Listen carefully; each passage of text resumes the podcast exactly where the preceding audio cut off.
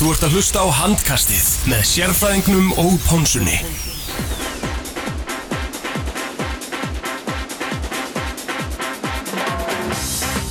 Já, komið sæl og blessuð og velkomin í handkastið. Þetta er Ponsa Hilsarkur hér á þessu flenni fína 50. kvöldi og með mér að sjálfsögðu sérfræðingurinn og góðkunningi þáttarins Árni Stefán Egviðjónsson. Árni Stefán, velkomin. Já, takk hérlega fyrir það, gott að vera komin tilbaka Enn og ný, þú ert bara búin að standa það svo vel að við, við getum ekki annað en, en, en kalla í þig aftur og aftur. Þetta ekki sammála því sérfræðingur? Heldur betur maður ha, Það er ekki leiðir alltaf að vera með tvo F-fanga hérna, grjótarða F-fanga alltaf með mann í stúdíónu maður er alltaf bara í baratunni, í undirtölunni Segðu, segðu. Ha, Ha, Gott að fá líka, gott að fá rós frá sérfræðinu Ég er auðvitað leitna að fá um mönnum sem tengast handbólt á landinu sem að fengi rós Já, frá sérfræðinu ok. það er Býttu gott. nú Hann er við meira, í- er hann ekki meiri að að rýna til gags? Já, það er rétt, það er rétt. Já. En hérna, það er nú gott fyrir þér samt að geta gripið í tvöli svona, svona móti.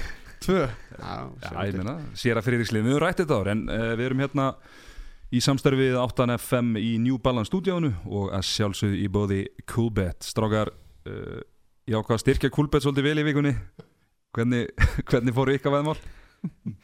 Herðu, ég hérna, þetta var svolítið upp og ofan hérna, Nú er náttúrulega komið nýjir hérna, möguleika inn á kúlbett að maður getur betta á hérna, markaskora Já, ég fór, ég fór ítl út úr því, getum orðað þannig. Já, maður endar eiginlega yfirleitt illa í því sko, en þetta er svo ógeðslega gaman Já, Þetta gerir leikin sko, góðan leik að enn betra leik Mm. og maður er að fara illa eins og stórmótunum sko, maður er að setja þetta á hinn á þessi að þjóðir sko, maður veit ekki eins og hvernig leikmenni lít út sko. maður er samt alveg handvið sem að hafa rétt fyrir sér en svo bara enda sérfræðingur.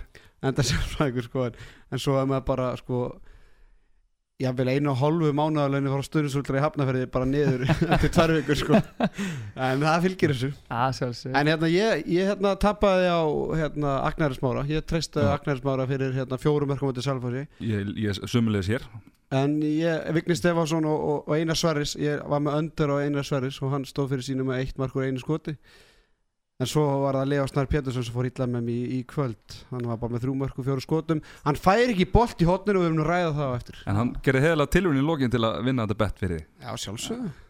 En uh, Ég er samt hérna, já, talandu, ég, ég er náttúrulega að prófa það sjálfsögum að það fikk coolbet að sponsa og allt þetta og hlustað á podcast núna ekki alls fyrir löngu það sem að ákveð maður hamraði svolítið vel á því að það væri líði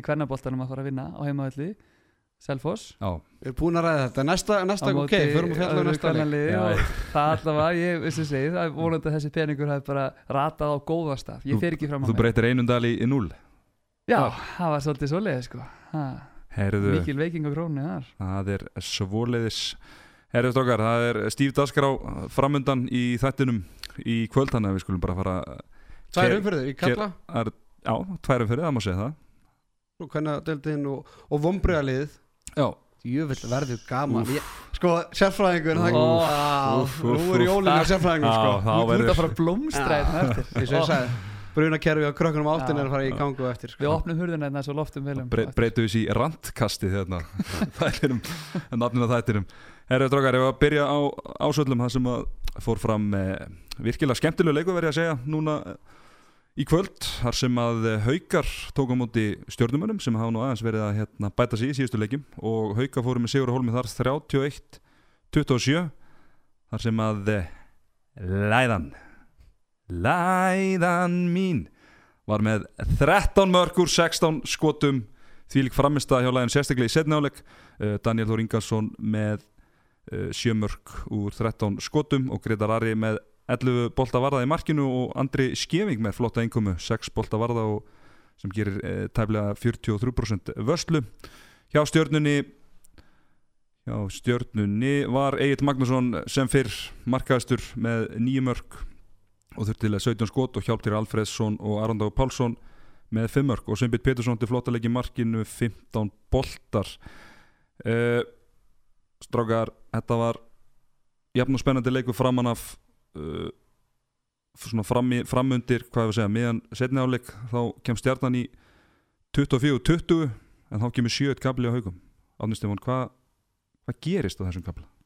Já, við gætum nú öruglega rýnt eitthvað í það og, og leikreint og farið yfir, veist, þjálfarinn þetta og hitt og þetta sko, en þetta er svona, mér fannst að vera svona bara svolítið svona momentum dæmi eitthvað sko, þetta er rosalega magna hvernig það gerist oft sérstaklega í handbólta finnst manni að þannig að við raunum setna leikli sem Gunni Magd tekur, hann tekur leikli raunum til að aðeins að stoppa af hennar kapla á stjórnunni þegar stjórnuna kom held í tveimum mörgum meður uh, það gengur ekki alveg samt þá hann raunum þarf að taka svo aftur og þá einhvern veginn svona bara dettur allt í gang. Svipa og við munum örgulega ræða það hérna eftir með val og selfos þannig að klukkan bílar að magna svona alltaf svona hvernig stemningin getur seiflast á milli og var svona erfitt svona í fljótubræð fyrst mér alltaf að, að, að segja að þú veist það var þessu að kenna eða þetta, þetta er bara stundum eitthvað sem gerist sko Arnaldæk, hvað segir þú? Já og hérna ég meina á þessu tíabili þá bara þá var ég farin að afskrifa haugana sko Mm. þá var maður farin að sko bara hugsa bara hvað er í gangi haugana, tapa mútið káa með 11 og svo tapa mútið neðstaleginu hérna heimaðalli Mm.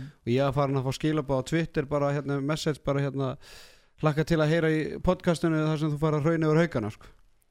en svo bara gerist eitthvað, ég meina á þessu tíabili þá skoru Aron Dagur og Egil bara vild veist, þeir bara skoru og skoru og haugarnir réðu ekkert við og þeir voru bara eins og sko bara umferða, umferða eiga sko. Það var bara gert í gegnu það og það var bara sjáum sko. Og Egil Magnússon sérstaklega öflugur á, á þessum kabla sérstaklega. Og hérna síðan bara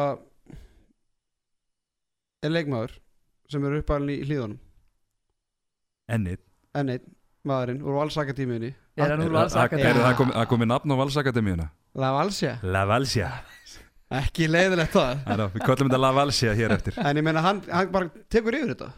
Og ég meina hann, það hefur hann ekki skorað þá er hann að finna heimi á línu og fiska víti og svo hann fiskandi víti sjálfur og klá- klára víti sjálfur og, og síðan við vorum að ræða veist, hvort Ari og þeir var bara orðin þreytir skotinu agli þótt hann var að skora hann í setnáleik þá var hann að repast í öxlinu sko, hann ætla að fyrir út af tímabjörn í, í setnáleik og ég meina ja, tvö skot að minnstu kosti fara bara beint í hendunar á andra skefing Mhm. og hinn framhjá eða yfir sko og Aron Dagur og hættur að vera líklegur og Já, ég sammála þessu Það var- er- hver er að skora fyrir stjórnuna? Þetta er Aron Dagur, Mhm. Egil Mhm. og Ari, Magnús Þorgir Þorgirsson Já. Mhm. Hjálptýrum eitthvað 2-3 Nei, Hjáltir reynda með 5 já, úr, úr vinstra hotninu, ég er að segja upp, uppstöldum sóknarfæri já, sko. já, Leo fær ekki hotnafæri nema eitt og klikkar á því Já. Bjarki fær ekki, þetta er voðalega út af því var svo skrítið hversu erfitt þetta var fyrir haugana stöða Já, ég minna, var þetta ekki en, en, var ekki bara breyttið sem að vandi fyrir haugana meðan að í rauninni stjórnumenn hafa kannski lítið fyrir utan þess að þrjá fyrir utan Egil, Aron og hérna Ara. Þá geta haugarnir rúlað á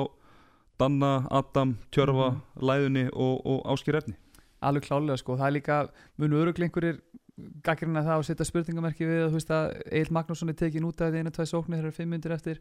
Ari Magnús er alfari tekin út af þeim kapla líka. En þetta held ég mitt sé bara munurinn að þú veist, Rúnar bara veit sem er að það er lítil breytan á bakvið og ég skil hann alveg, þú veist, þú ert komin að þeir voru konið þetta miklu yfir, þú veist, þá hefði öruglengur þjálfari freistast í að byrja að rúla eins bara að hugsa kannski, þú veist, ok, hafa á feska síðustu fjóra og fimm, en einmitt, ég held að gæðamunum sé bara það mikill að hann hann hefur örgulega bara ekki treyst liðinu í það að missa þessa sterku posta þarna í burtu. Nei, og talandi líka breytin í haugunum að hérna, ég meina allir Már Bárusson skora 13 mörk í leiknum, hann spilar ekki fyrsta korterið, Mhm. fyrir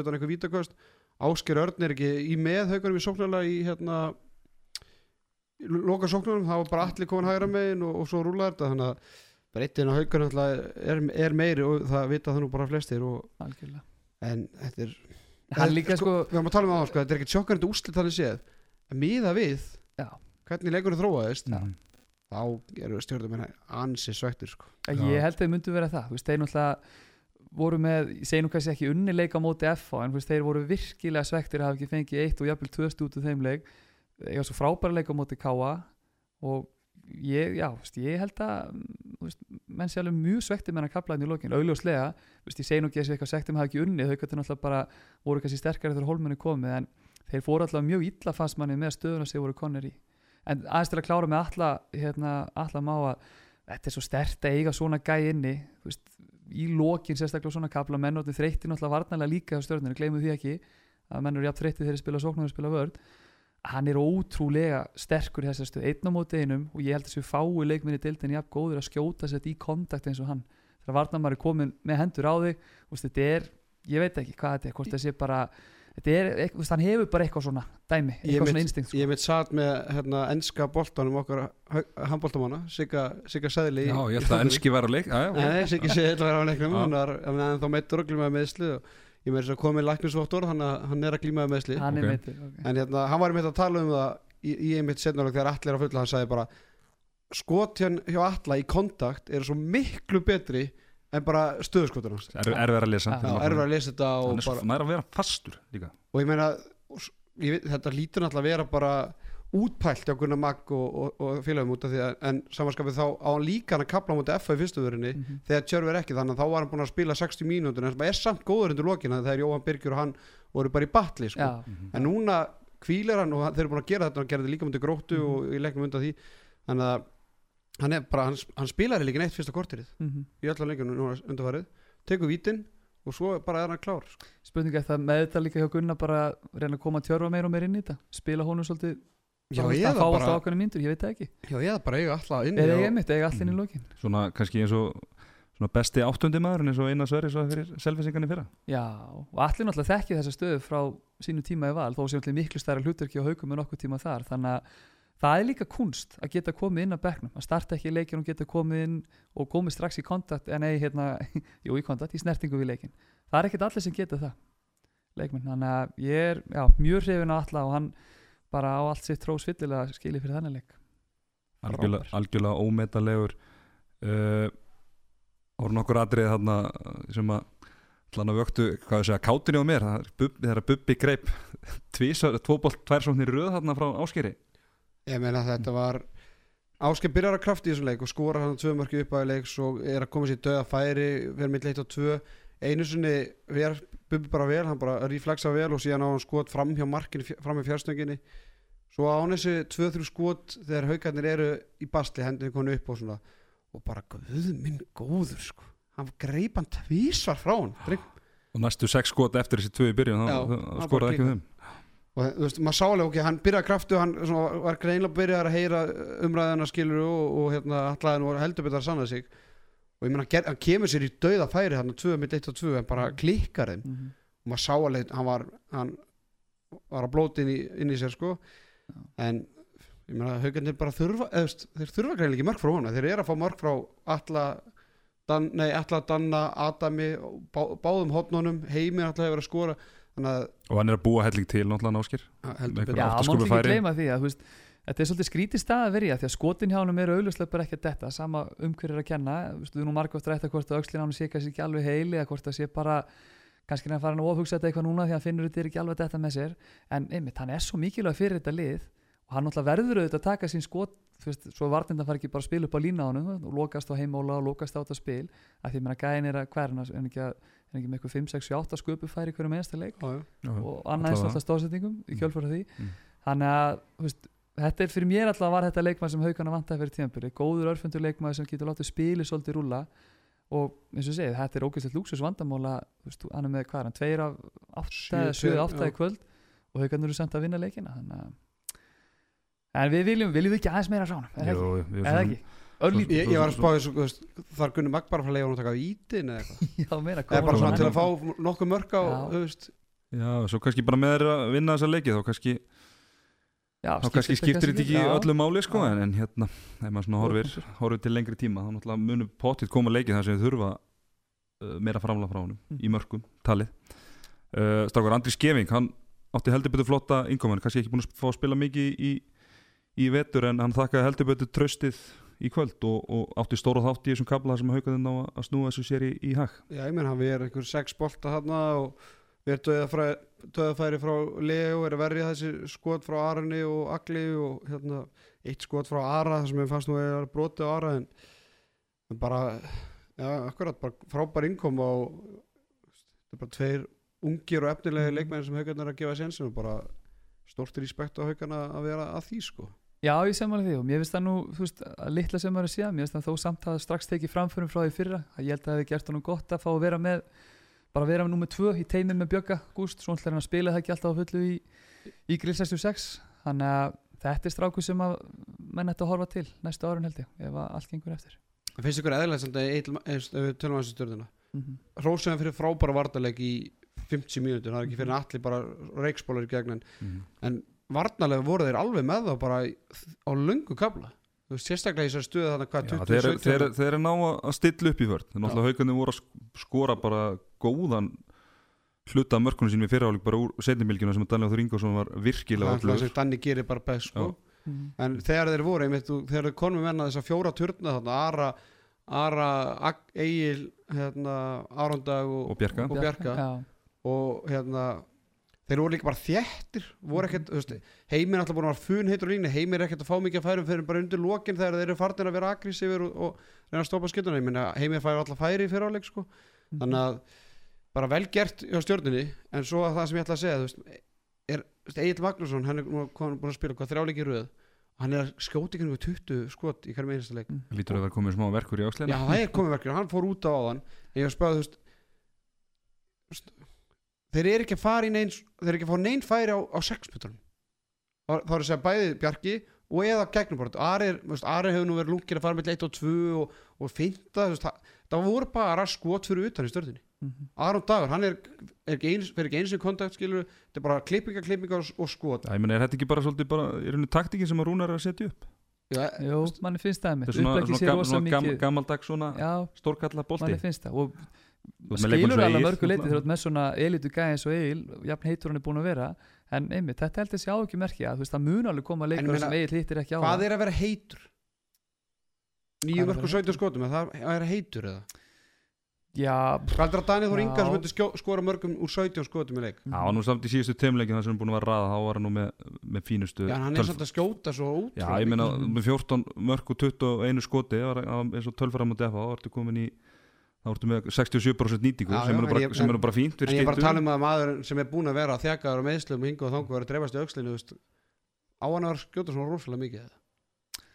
já, ég sé, það er alveg örgulega tvær hliðar á því sko, þú veist, það er alltaf Þeir þurfa alltaf, þetta er alltaf ekki, ekki að ganga Nei, þú nei, veist, og ég meina maður sá eins og í sko. þessu leik Nei, þú veist, að gæði eins og Ari, þú veist, var ekki eiga sinn besta leik, Ari Magnús, minn maður bara, náttúrulega þannig nýkom tilbaka til meðsli, Aron Dagur svona, þú veist, jú, hefur verið að búa svolítið til að færum fyrir félagana, þú veist, samt bara alltaf með sín, hann setur hann, þú veist, fjögur, fimm mörg kannski leik, þannig að ég, þú veist, ég veit ekki, ég meina, hver, hver er einhver annars sem getur stíð upp, eins og stannir í dag Já, ég meina svo er líka bara kerfin bara þannig gerða að þau eiga svolítið enda með því að eigir fara upp í skoti þannig að það er kannski, það er kannski líka það sem að, sem að spilar spilar inn í En það. mér fannst samt bara, þú veist, svo klárum kannski þennan punkt aðeins Mér fannst samt eins og í dag, því að haugarnir voru að ganga rosalega langt út í eigil og Gunni Magg fyrst mér verið klókasti þjálfarni í deildin með það að hann, hann er mjög góður að greina veist, svona sterkustu vopnaðanstæðingan og reyna að kötta á það.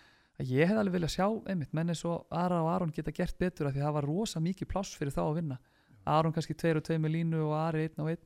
En eins og segi, Ari náttúrulega kannski nýkvöndi tilbaka til meðsli og, og svona, veist, ég er ennþá að býja eftir að Aron að svona taki smá blús upp á næsta level. Ég Já. held að eigi ennþá alveg svolítið inni. En það var nú svolítið þannig í fyrirháleik það var nú Egil nú frekar rólegur í fyrir var hann ekki með 2-3 í fyrirháleik og, og þá var Aron held ég með ég held að hann að skora öll sín fimm mörk í fyrir allan fjögur af þeim. Já. þannig að það opnaðist aðeins betur fyrir hann í þeim setni en drókar eitt punktur inn í lókin sem ég bara að var Arna Dæði, þú varst ná á leiknum en ég tók hann í á Haukar TV á samt Átna Stefáni og jú, jú. það kom skemmtilegt móment í leiknum þar sem að lýsendurnir Einar Jónsson og, og, Jens Gunnarsson. Jens Gunnarsson uh, voru ekki alls kost að sátti með dómarleiksins vildu menna haugandir ætti að fá víti og byrja að bölva dómarinn með sand og ösku og svo heyrast einhverju skruningar í útsendingunni og svo heyrist einar öskrin á völli bara Dómari Settu við standan Ég hafði helviti gaman að því þegar að að algjör óþar að vera með eitthvað, eitthvað hlutleysi sko, menn ég að sína passjón menn eru með passjón Já, já. ásöldum Við elskum það, við elskum það Herðu strákar, ef við ekki bara segja þetta gott í þessu leik og, og vinda okkur í stórleikum umfærarinnar sem fór, já, í rauninni þetta Og fyrir fimmtu Já, fimmtu umfyrirna, já, taka það fram að þessi leikur Hauka stjarnan var fyrsti leikur sjöttu umfyrir, það er þétt spilað í ólistildinni þessa dagana. Og við vindum okkur á Selfoss, það sem að Selfissingar, the kids all alright þeir unnu valsara. Voru statement. 28-24 þar sem Elvarit Jónsson og Hauku Þrastason voru með 6 mörg og Hergir Grímsson með 5 Pavel Kipulski með flotta framistöð í, markan, í markinu F- 15 var einn skott uh, sjáðu markaskorurinn að í hjá uh, Selfisingum, hún dreifist vel eins og áður í vetur. Uh, hjá Alva Vigni Stefánsson markast með 5 mörg ásamt Antoni Rúnarsinni og Danieli Freyr Andrisson hann byrjaði vel en tróð svo aðeins á honum var með 11 bolta varða. Arnardæði getur nú upplýst að þú vildi setja selfinsingana ofar í spán okkar? Eru þeir besta Já. lið á Íslandi í dag? Jafnvel langbesta? Þetta er besta liðið og ég menn þetta er liðið sem við var með hvað fæstar breytingar milli hennar tímabila og hérna og eitthvað var. Fyrir utan alltaf teit þannig alltaf hræðilt að missa, missa teit en þeir eru bara með átnarstein sem getur alveg jafna það út og svo bara fenguðu betri markmann. Og, og það er bara að- að sína sér núna og þetta lið ég myndi að setja peningin á þetta lið er að delta með stóri, það er ekki, það er ekki spurning og við rættum líka senast að leika þetta var svona leikur það sem við, ég, við höfum aldrei sett peningin á, á og hérna áður en stóru klukkumálið dettur inn, þá var náttúrulega bara valur að vinna hann leik og maður, maður horfði bara og sagði bara, herðu, djúveldur valur góður. Skilu, þeir voru bara betra en Selfoss á þeim tímabili. En síðan kemur klukkumálið, Þorgir Þorgil Lárus, klukkutóki sem er nú líklega okkar besti og reyndasti klukkumæður já, svo seinustu ári allavega. Mm hann, hann hefur staðið vaktina sem ég spilað bæði Vesturbænum og, og svo gert það, með, gert það á stakri, og- stakri snill og ég tala ekki um í, í Dyranesu þar sem hann er a living legend. Já, þannig að við skrifum þetta alls, alls ekki á hann sko. við skrifum þetta á FSU á fjölbætaskólan en allavega eftir, eftir það þá bara hrínur leikuvals og þá kemur hotnamaðurinn Hergei Grímsson upp. Ótrúlegt. Og hann bara ég veit ekki hvort að valsarðin hafa bara verið að vannmetan Mm.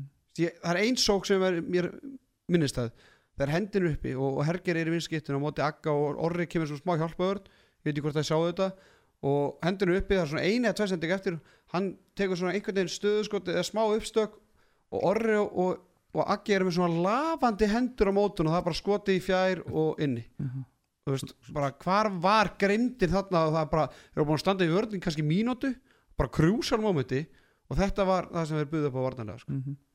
Já, ég samanlega þessu, það er mögulega kannski eitthvað vannmatt en aftur ef við ræðum eins og með haukaleikin á þetta, er svona, þetta momentum er ekki til eitthvað íslenskt orðið er þetta? Momentum, hvað, hvað er að notið þetta? Auk, augnabliks Augnablík Já, nei, nei, Nei, Viðsnúningur. höldum- viðsnúningur bara, meðbyrjum bara einhvern veginn momentum. fer og sveiflast á milli og náttúrulega eftir þetta klukkudæmi þá náttúrulega bara fór einhvern veginn allt með Selfoss og þú veist, her- hann náttúrulega var ekkert búin að eiga frábæra leik á það í hotninu, hann ekki, var að missa þessu eitthvað? Ri- Richard var komin inn og inn, fyrir hann í nákvæmlega, hotni hann, sko. að, veist, hann fyrir einhvern veginn á miðjun og það er bara alveg sama hvað hann gerir það bara gengur allt upp. Það voru bara skot hérna, skot á síðunni genið klóa markmannum og, og skot í fjær og gegnumbrot og, og hann var að taka ekkit eðlilega sko góðar ákvarðanir sem, sem hann var að taka. Já, en svo gerði ekkit annað en að vera að spila þarna ég að segi það, ef- spilinu ef að menn hefur verið að horfa á þetta í fyrsta skipti kannski einhverju gæjar hann frá Pólandi að skáta á sko fyrir Európuleikin, þeir myndu bara halda þér wow, þetta er bara besti leikmaður deildar Who is Haukur? ha, það er með þess bara, bara hverju haugur ég heldur ekki að það væri bara haugur já, en, en, en Patti enda komið góðan punkt í viðtalandi leik og, og myndist á það að Herger var náttúrulega að spila miðjastöðuna allt undurbúrstöfli í fjárfur Elvas Já. og Haug sko. Þannig að það var veist, það er alltaf bara sýnir bara enn aftur hvað Patti er að gera vel. Hann er greinlega bara vel undirbúin Mhm. og sumir hefðu bara að vantar haug og hérna, vantar elvar hörðu og stráka þá bara spiluðu fjóri tveir hérna, Já, veist, bara ekki sjens á eitthvað, ég nenni ekki að hotna mann skilur, Já. bara fullir verðingu fyrir mörgum þjálfur hérna, þú veist að Dóri myndi setja Arna Frey bara á miðjunu hérna, þú veist, hann, ok, hann hefði bara kallað kannski bara á eitthvað treflokstrák Mhm. eða, eða bara eitthvað, skilur, bara hefði sjálfur í búningin, skilur, Mhm. en þannig er hann greinlega bara, bara að undirbúa sig, skilur, og bara.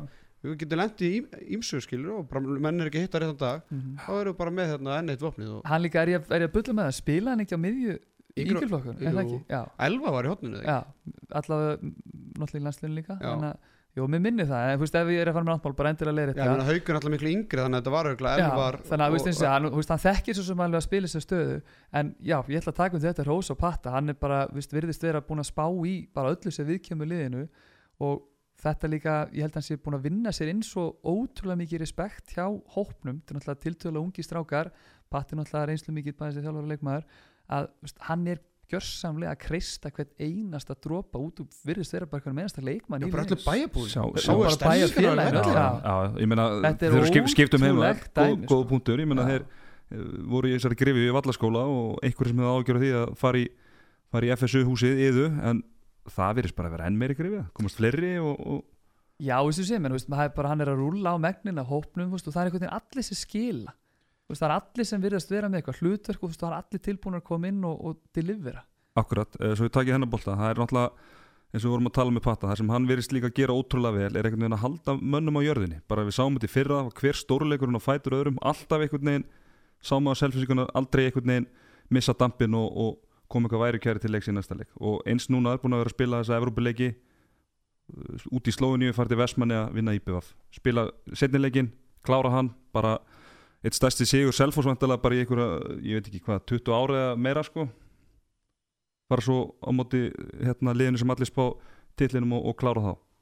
Og getur ekki annað í þessu uh, er hann ekki að ná í rauninni meiru út úr fleiri leikmennum heldur en að því fyrra. Veist, þessi leikmenn sem eru nummer 11, 12, 13 jafnvel, ég held að Mattias Örn Haldarsson sé eini maður sem spilar ekki ger það er einhvern veginn allir að tippin Jú, er það ekki bara, einmitt, orðin kannski reynslunni ríkari eins og Rísat í hotninu, svo alltaf kemur kemur hérna vinur þáttarins Alexander hérna Júrókan vegan. Jú, Júroka vegan í hotni veist, jú, nákvæmlega, veist, og það er bara rosalega trú á verkefninu og tel- talandi um þessa upptælingu tætti, núna horfum tilbaka síðustu leiki, þeir náðu jafntölu á móti afturheldingu, komast áfram hann í Európa-keppni á móti hörkuliði vinna hérna IPVAF, vinna val og sko ef að Selfoss vinnur FA á laugadaginn þetta er sko rosalega törn þá held ég bara að, að bróði patta minn maður Gunni TH mig bara að gera fálkárun að klára sko. Þú veist, að öllu ganni sleppu, við erum að tala um strákar við erum að tala um afturheldingu, við erum að tala um IBF val, þú veist,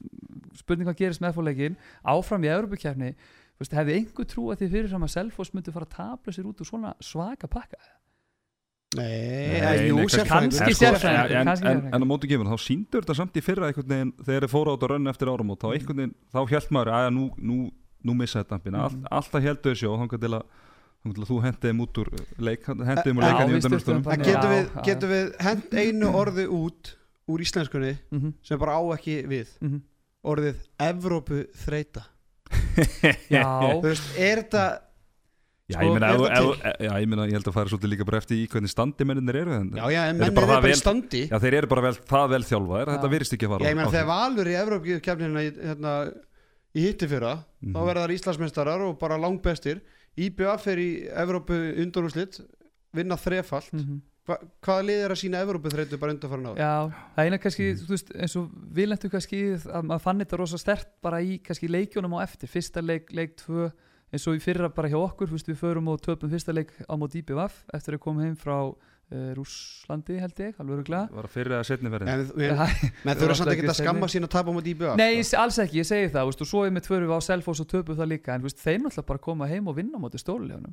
er og það og. Þannig að það er, það er eitthvað í vatninu á Selfossi, það er ljóst. En líka út af því að þú veist, við erum ekki ég meina, ok, við erum að spila þjætt núna sko, en þú veist, heilt yfir hefur Ólisteldin ekkert verið að spila þjætt hérna fyrstu vikundur sko, þannig að einhverju sem ég har rætt við segja bara að þetta er bara, er bara betra að vera í veist, eins og deildin er að spila núna sko, það er bara viku, viku á bara, var bara, er bara í betri rytma og, og eins og sko, það já. er skemmtilega að spila en að æfa. Jú, jú, en þetta er náttúrulega klálega stemningslega, þú veist, gerir þetta ótrúlega mikið fyrir hópin, þú veist, eins og til dæmis ferðin sem FH fóri núna, þú veist, tveir leikir á móti Benfica því þeir fengu sko hvað fengu þeir, þú veist, alveg tæpa tvo dagar fría eftir leik, og það er náttúrulega bara teambuilding bara, veist, 100 á eitt sko, þetta er ógeðslega gaman fyrir strákan í svona ferðum, hann að það verður gaman að sjá FH einmitt á móti Selfoss og Það lögða, verður rosalegur heim. Solbrúna og Sæta frá Portugal Portugal, heyrðu Snorri Steinn Guðjónsson þjálfari valsmanna hann fór í viðtal eftir leik og það sem hann segir meðal annars jákvæða við þetta er við eigum marga leikmenn inni sem geta spila miklu betur og þeir vita það sjálfur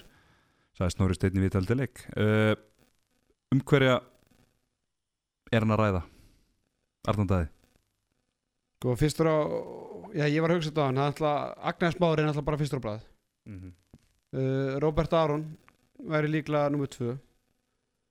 Uh, náttúrulega í leiknum í gæri hann meiðist í mér í, og það er náttúrulega helvítið slemt fyrir hérna valsarana sérstaklega varnarlega. Mm -hmm. Já, ég laði bara varnarlega með hvernig þeir eru búin að spila sóknarlega í vitur já, en, en ef við byrjum að því sko að, og hérna Daniel Freyr hann lítur að eiga töluvert inni Já, já, hann á það Æ, ég meina eins og að spila í fyrri áleiki gær það, það var svona Danni eins og við þekkjum hann mm -hmm. og svo bara leik, er, er, svona, er ekki Vignir. Vignir Maggi, Anton eru svona búin að vera á pari Mhm. getur við gerð sammála því eða?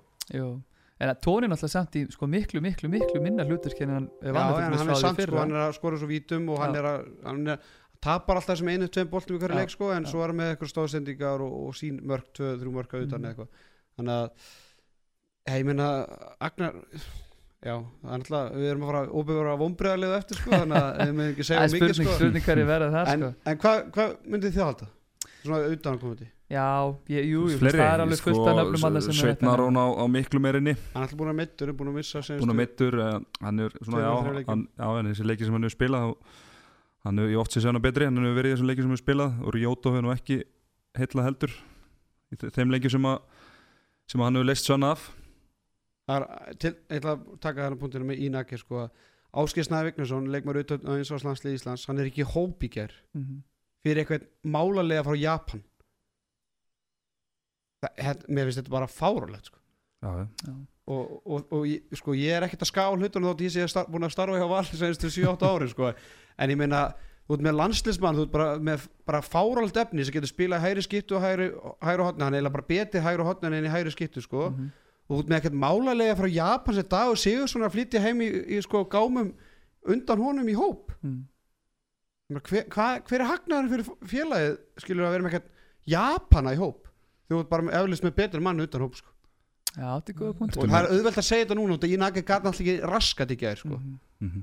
nú hlægir átni út af því að sérfrækjun er kona flug sko. já, já, já, já, ég meina það kemur- það þetta inn og gær og, hann byrjar alltaf inn á sko. já, ég veist, á bara tvö ömuleg slút og, hérna Svenni kemur snemm inn Mhm.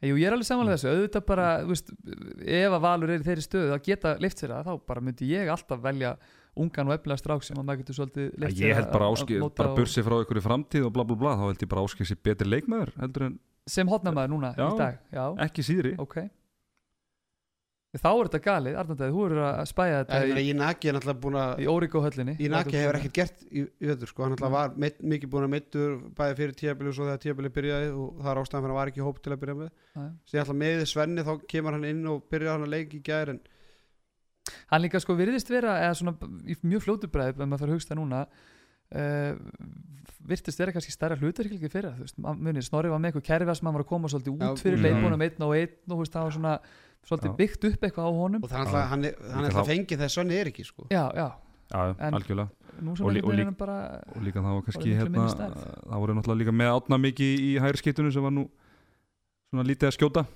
Já, þurftu kannski eitthvað Já, já, þurftu kannski já, meira. Góði punktur. En, en Robert Arn Hostert Já, viljum við ekki meira frá honum?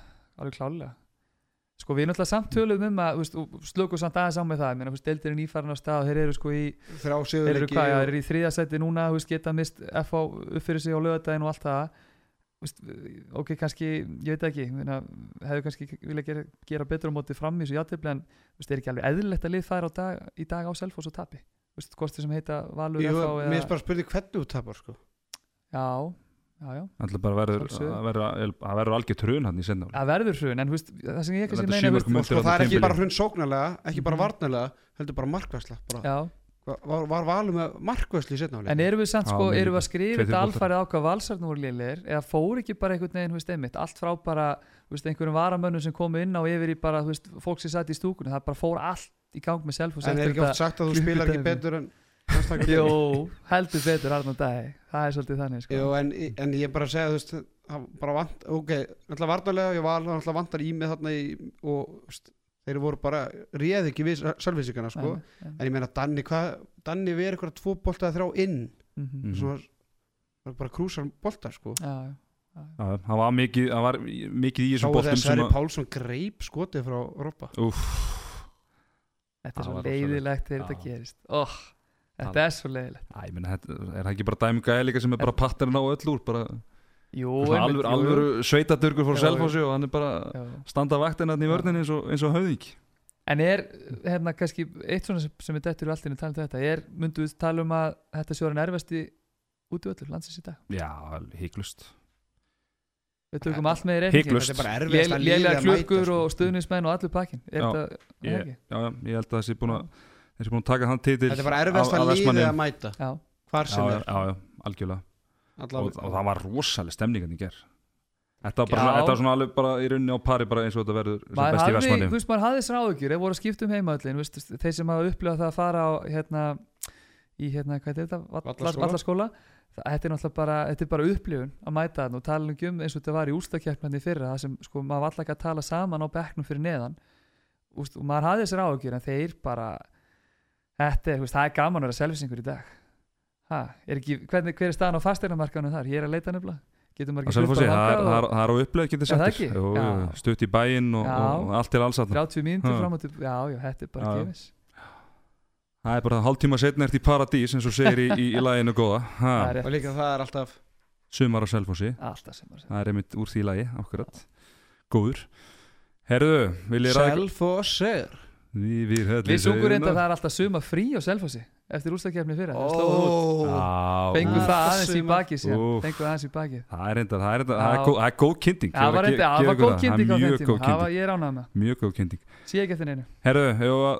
bara segja, setja punkti fyrir aftan þennan legg og vind okkur í Moselsbæin þar sem að fór fram heldur betur aðtiklisveru leikur þar sem að afturhelding og IBVF skildi upp 28-28 þar sem Tumi Steinn Rúnarsson heldur áfram að heitla okkur með 7 mörgur nýju skotum og Elvar Áskísson átti flotta leiksum með leiðis með 6 mörg uh, Arnó Freyr Stefánsson hann bara 20 bolta múrin 21 var í bolti. Þá- gamli skólin, eða og, ekki? hva, og hvað þýðir það, skólinn. hvað það, er hann ekki nummið þrjú? Er ekki bara, er ekki bara Jóhann og, og, og Kolli á Jú. móti Selfossi sem eru búin að ná því? Glæsilegt. við erum fjölgandi í strákunum já, já, 20. glæsilegt Farið Arnur við erum, við erum ánægð með þetta. Uh, hjá IBVF var Kristján Öll Kristjánsson Donni með sjömörk eftir að hafa byrjað ansir hinn drólega en hann heldur betur vaknaði til lífsins í setnáleik og Kári Kristján Kristjánsson átti frábæra leik með 6 mörkur 8 skotum eftir að hafa byrjað á bekknum. uh, Markvarslan IBVF var ekkert uh, sérstök ekki upp á margar að loðunur eins og þar segir. Uh, Kolbjörn Aron með 8 bolta og Björn Viðar með 1 uh, Átni Stefán mm. bara hvernig fór afturölding að því að kasta þessum sigri frá sér Já, það er eiginlega fyrsta sem ég hugsa eftir hennar leik og bara henda, byrjum kannski á að henda bara hrósu afturheldingu, þeir eru konir á TV-vagnin, afturhelding TV hefði mátt auglesa betur. Hefði mátt auðvitað Ég betur, er já, unni bara fekk veður að því bara þegar voru ykkur tímyndur eftir að, að þetta var í gangi. Já, og sá hennan æsispendi lókabla já. Þú reyndar hefðir algjörlega getað sendt bara á mig. Ég er nefnilega horfið á frá byrjun sko en ég er náttúrulega tölvöld betur að mér en þú þannig að það er kannski útskýrir. bara, ég fór bara á HSI og það er eiginlega búið að merkja leikina hvort þessu síndir það ekki og, var ekki þar, ég, hvort að ég sá þetta bara á Twitter eða eitthvað, er ekki afturhelding með Twitter reikning, ég held ég að sé það. Jú, en allavega, bust ég frá því, þá hérna fyrsta sem ég hugsa eftir leik eru líka MySpace. Hvernig ósköpunum gátu afturhelding ekki unni leikin og veist, ég var nú eitthvað aðeins að töða þetta yfir afturheldingi síðast að þetta, veist, alltaf að fá að skoða svolítið í næstu leikjum með svona hvað er í staðsetta á og mér finnst þetta bara því miður bara vera allt og típist fyrir þá að, veist, ef að afturhelding ætla sér eitthvað að viti veitu, þá er þetta leikur sem þeir eiga að klára. Þeir, þeir geta ekki leistir að missa svona niður í aðtöfli vera með einhvern veginn með fannst manni bara alltaf eitthvað að halda á IPVaf með geggja markvæslu lítið að frétta þar hjá IPVaf líkilmenn hjá IPVaf bara ekki að standa sig Beggi var í tómutjón í leiknum Donni fór ekki í ganganda fyrir seint og síðir. Og veist, þetta svona kórunaðist einhvern veginn í lokin þegar voru ekki hvað, voru tíu sekundur eftir eitthvað þegar Beggi tekur, nei Donni tekur skot það er blokkir að í innkast.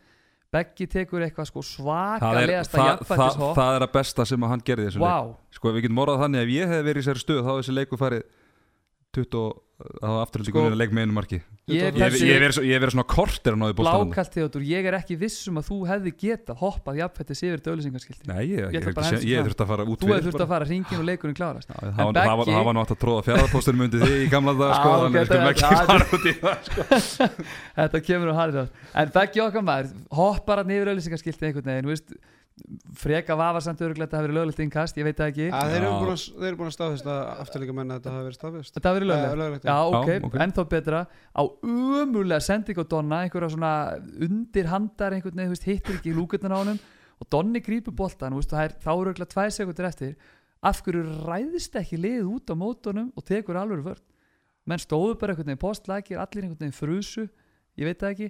En veist, þetta er svona á þessu mómenti alveg lið, menn leiði, leiði svona ekki gerst, Nei, nei, ég ætla bara að henda það fram. Það er bara svolítið og ég held, sorry, bara til að klára þetta svolítið hætta til það, að ég held að Einar Andri sé og bara hafi fulla rétt á að vera virkilega fúll og sár út í sína menn. Hann er fróðufællandi núna. Já, þú veist, bara að því mér varst hann svo sem alveg gera bara margt gott og rétt í leiknum en þú, veist, þú verður sér þjálfur að geta treyst mönnum til að klára svona stöður reynslu miklu mönnum að það sem voru inn á Algjörlega uh, næsti, sorry, Já, Elvar Áskilsson, hann, var, hann átti flotta leik á samt uh, Tuma Steini sem við höfum talað um að uh, komið úr La Valsja Herru, það var annar leikmar úr La Valsja sem spilaði með afturöldingi í þessum leik.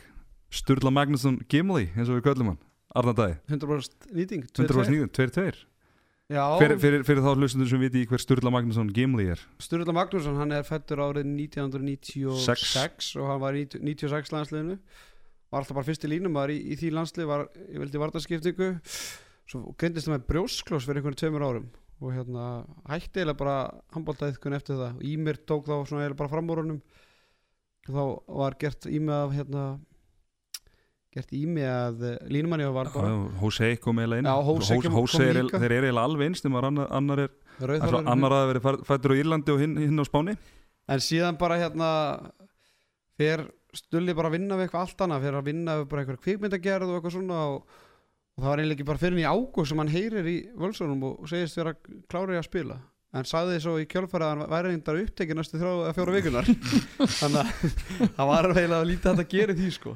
Það er ekki fyrir hann að Pétur Júniusson meiðist hjá afturlíka að, hérna, afturlík fyrir að heyri í val bara heyri í La Valsja La Valsi Akademíunni. Og spyr bara hvort það er eigi eitthvað leik með fyrir sig og það stóð ekki á svörum og hérna hann var bara mættur á æfingu þannig en menn vissu af og, og bara mættur í búningin og bara ekki bara frábært fyrir afturlík bara frábært fyrir deildina ef Stulli getur spilað í vetur því að þetta er pundur í pundi þetta betur línum með deildarinnar sko Það eru ákveðlega mörg puntin Sérstak, þarna. já, sérstaklega sóknarlega hann er ekki þekkt fyrir sem vartanleik og hef- hefur nú yfirleitt bara verið í vartarskiptingu a- allan sinn yngri hloka feril Mhm. þótt hann hafi nú alltaf viljað spila hérna í, í vörn voru þið að minnast á hérna neða var eitthvað að minnast á það þegar já, Tó- Tóm það var bíkarústöldleikur valur fram þegar hérna, Daniel Þór Ingvarsson var í val og, og, og hérna Í, í, Í öðru flokki. öðru flokki já. Já, og hérna við vorum tveimur færri og Stulli var á miðinni og Tóm var að segja bara besta sem við síð bara þegar Sturla Magnússon var að stjórna spilin í leikið öðruloki Þannig að dreifa, dreifa svilinu við Já, hann, hann hefur mikið hérna, álita sjálfistur og hérna og bara með mikið bara sjálfströst og bara vonandi að bæði fyrir afturlíku og deildina að hann ná að eða brjósklósi sé ekki að tröfla hann Algjörlega, það hérna erum við ekki Þetta er- brjósklósfrændur? uh, Jú, og, Stefán Stefán líka. Við erum allir glimti það Já, ég reyndar, mástu, var í, í búndi í gúndíinu sko Ég var alltaf Já, í útbúkunni já, sama hér. Já, það var er ná- nánast það sama. sko. En þetta er ekki fyrsta skipti sem að Einar Andri leitar í La Valsi Akademíuna til að fá línumann til að leysa meðslarhjóðan Petur Júniusson af því að Valdimar Sigurðsson, hann spilaði þarna fyrir hvað, hverju tveim árum? Þrejum ára hann er búin að vera fram núna í tvö ár. Já, já, fyrir þreim árum, já, nákvæmlega. Já, já, já. þessi valsmenn, ég hendi náttúrulega tvít hérna í hvað ég gera fyrir þetta. Ég spáði því að það er yfir 30 leikmenn Va- La Valsia að spila í Ólisleitinni Já, ég taldi og ég held að séu uh, kringu 20 at the moment. Já, í öllum með val með sjá, þeir eru átján, Átján 19 ef við tölum Sigga Segel með sem spilaði þrjú ár með Mm. Örvaki Hann er, hann er úr Akademíun í kriganum já, en hann, hann En núna sko, stráka, nú eru sko Nú er held ég hvað, einhverja 40-50 myndum búin að þessu þætti. Er, er þetta La Valsia dæ- djók, er það, við erum alveg við erum að grínast með það, það. festist, Hvað- La, við ætlum að- nota þetta. er F-fangur Hörnsár er, er F-fangur er. Hörnsár er, er F-fangur Hörnsár núna? Því að í liði FH eru 0 uppaldir leikminni byrjanliði FH Já, Þetta nei, ég myndi nú ekki segja kannski hörundsár sko, þetta er sárt. ég held að munurinn á, þessum, á þessari, þessari smá akademi ykkar hérna hlýðarenda og svo stórveldin í kriganum með sá ástæðan fyrir að við eigum ekki marga uppalda leikmenn og ekki eins marga leikmenn í deildinni því okkar leikmenn eru sko að spila í atunum sko, bestu deildum í heimi. BAM En ég meina, þú veist, flotti þið eru með 30 menn í deildinni hérna heima, það er ekkert mál en við erum með Það okkar þarf menn að úti styrk, styrk í deildina. Kíl og Gogg og Mm. ég er Barcelona ekki betur en að bara vantar og- hvert flokk stundu Hver sko. hver er ekki það er hver- okkar mennir úti. er er sko. Ég tel náttúrulega ó- óðinn er nei, alveg rú- Hann í Skulum ekki, fara með þetta. Það er svolítið þá er Ómar Ingi þá líka þá þá og þá Geir og Gummi Þá er Gilvi sig bliki, sko, við skulum ekki fara þangað. Það við skulum ekki fara þangað, sko. Það er alltaf Nei, nei, ég, þó ég mátti sé reyna. að fá einhver þá- þá- Mátti þetta- er vitlega Herri stráka, Fannar Fyrirgesson, hann kom öflugur inn eftir meðsli Fimm mörg og fjóra stóðsendingar Og við vorum búin að ræða Donna svo sem. Mm. heldur betur stegu upp eftir virkilega erfiða byrjun uh, sjömörk, endaði með sjömörk og einhver átta sköpuð færi að auki. Uh, það var eitt að lókum, ég er með smá spurningum fyrir ykkur. Vitið hver er aldursfósettin í, í afturhældingu? Hvað, ekki á Hrafn Ingvarsson að spila? Nei, Finnur þó, ekki þó, þó, hann væri, þó hann væri það er margir sem halda þessi Pálma Já, ég Pétursson er sko. ekki skað Pálma Pétur Hver er aldur svo? Veitu?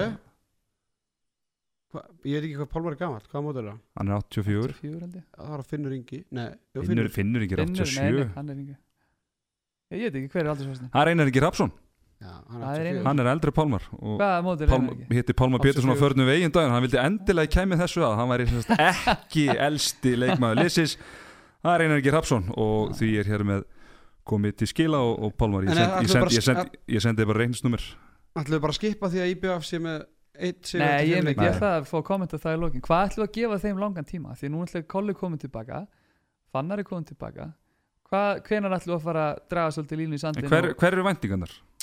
Þeir, við spáðum fjóðarsæti þeir eru einhverjum, þeir veriðast vera svona eins og staðan núna örlítið á eftir svona þeim pakka. Þeir eru Mhm. með, þeir eru einhver þreim stigum eftir fjóðarsætinu en eru náttúrulega að fá fannar inn núna og, og, og Markvæslan hefur nú batnað með, með, með tilkomi kolla þannig að það er ef að Nei, gefa- menn, ef- Björn ef- Sigvaldason ef- var á sigurlega í gær. liðsins er gegn Þetta er- neðsta liðinu stjórnunu sko sem vantaði þrjá Já. til fjóra líkilmenn í þeim leik sko Já, já, Það var og- heima og- allir með þrejum og naumur var hann og naumur var hann ef ekki gefa þeim svona fimmum fyrir í, í viðbót og, og taka þá stöðuna hver þeir eru já. en svo er bara spurning hvað þeir vilja hvað, hver, hver, Þeir hver, þeirra leik. vonir væntingar eru Það er Akureyri, Val, FH Já. Hvað viljum við hendi mörg stíð á þá? er FH heima úti Held að sé úti Held að sé í kriganum Þeir Eh, eiga FH úti, Va- Val heima Akureyri úti Akkur er úti? Úf, vá. Þetta, get, Fjögur stíg er þetta, bara- get, þetta getur verið 0 til 4 stig. Já, Já, þetta getur 0 til 4 stig. þetta er, Ekki sex stíg Æ, ég held að taka ekki, taka, vinna ekki ég held að taka ekki 60 út úr þessu prógrami. Sko ég held þeir vinna Akureyri og ég spáði nú til síðast að þeir myndu vinna FH Já. af því að okkur hefur aldrei gengið neitt sérstaklega vel þannlega á móti IBF en með að við gangin á því núna þá verði nú kannski eitthvað endur sko að spá. Ég segi, ég segi þrjústi vinna Akureyri og svo jætteflu á móti valið FH ég held að. Já, já, Þetta er hvað segir þú? uh, tvö. Ég ætla að segja það fjögur. Fjögur, ok. Já.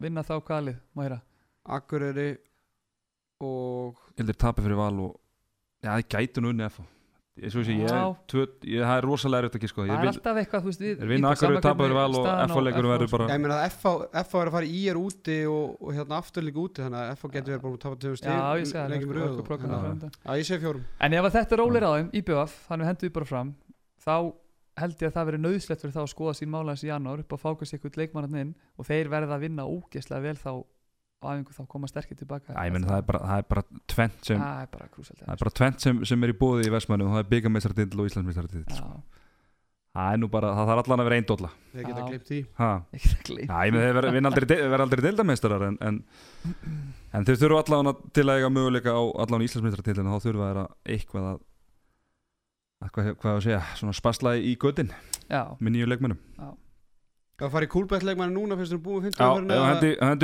nákvæmlega, svo við gleymið ekki aftur líka það er Já. mjög sniðið herðu, kúlbettleikmaður 50 umferðar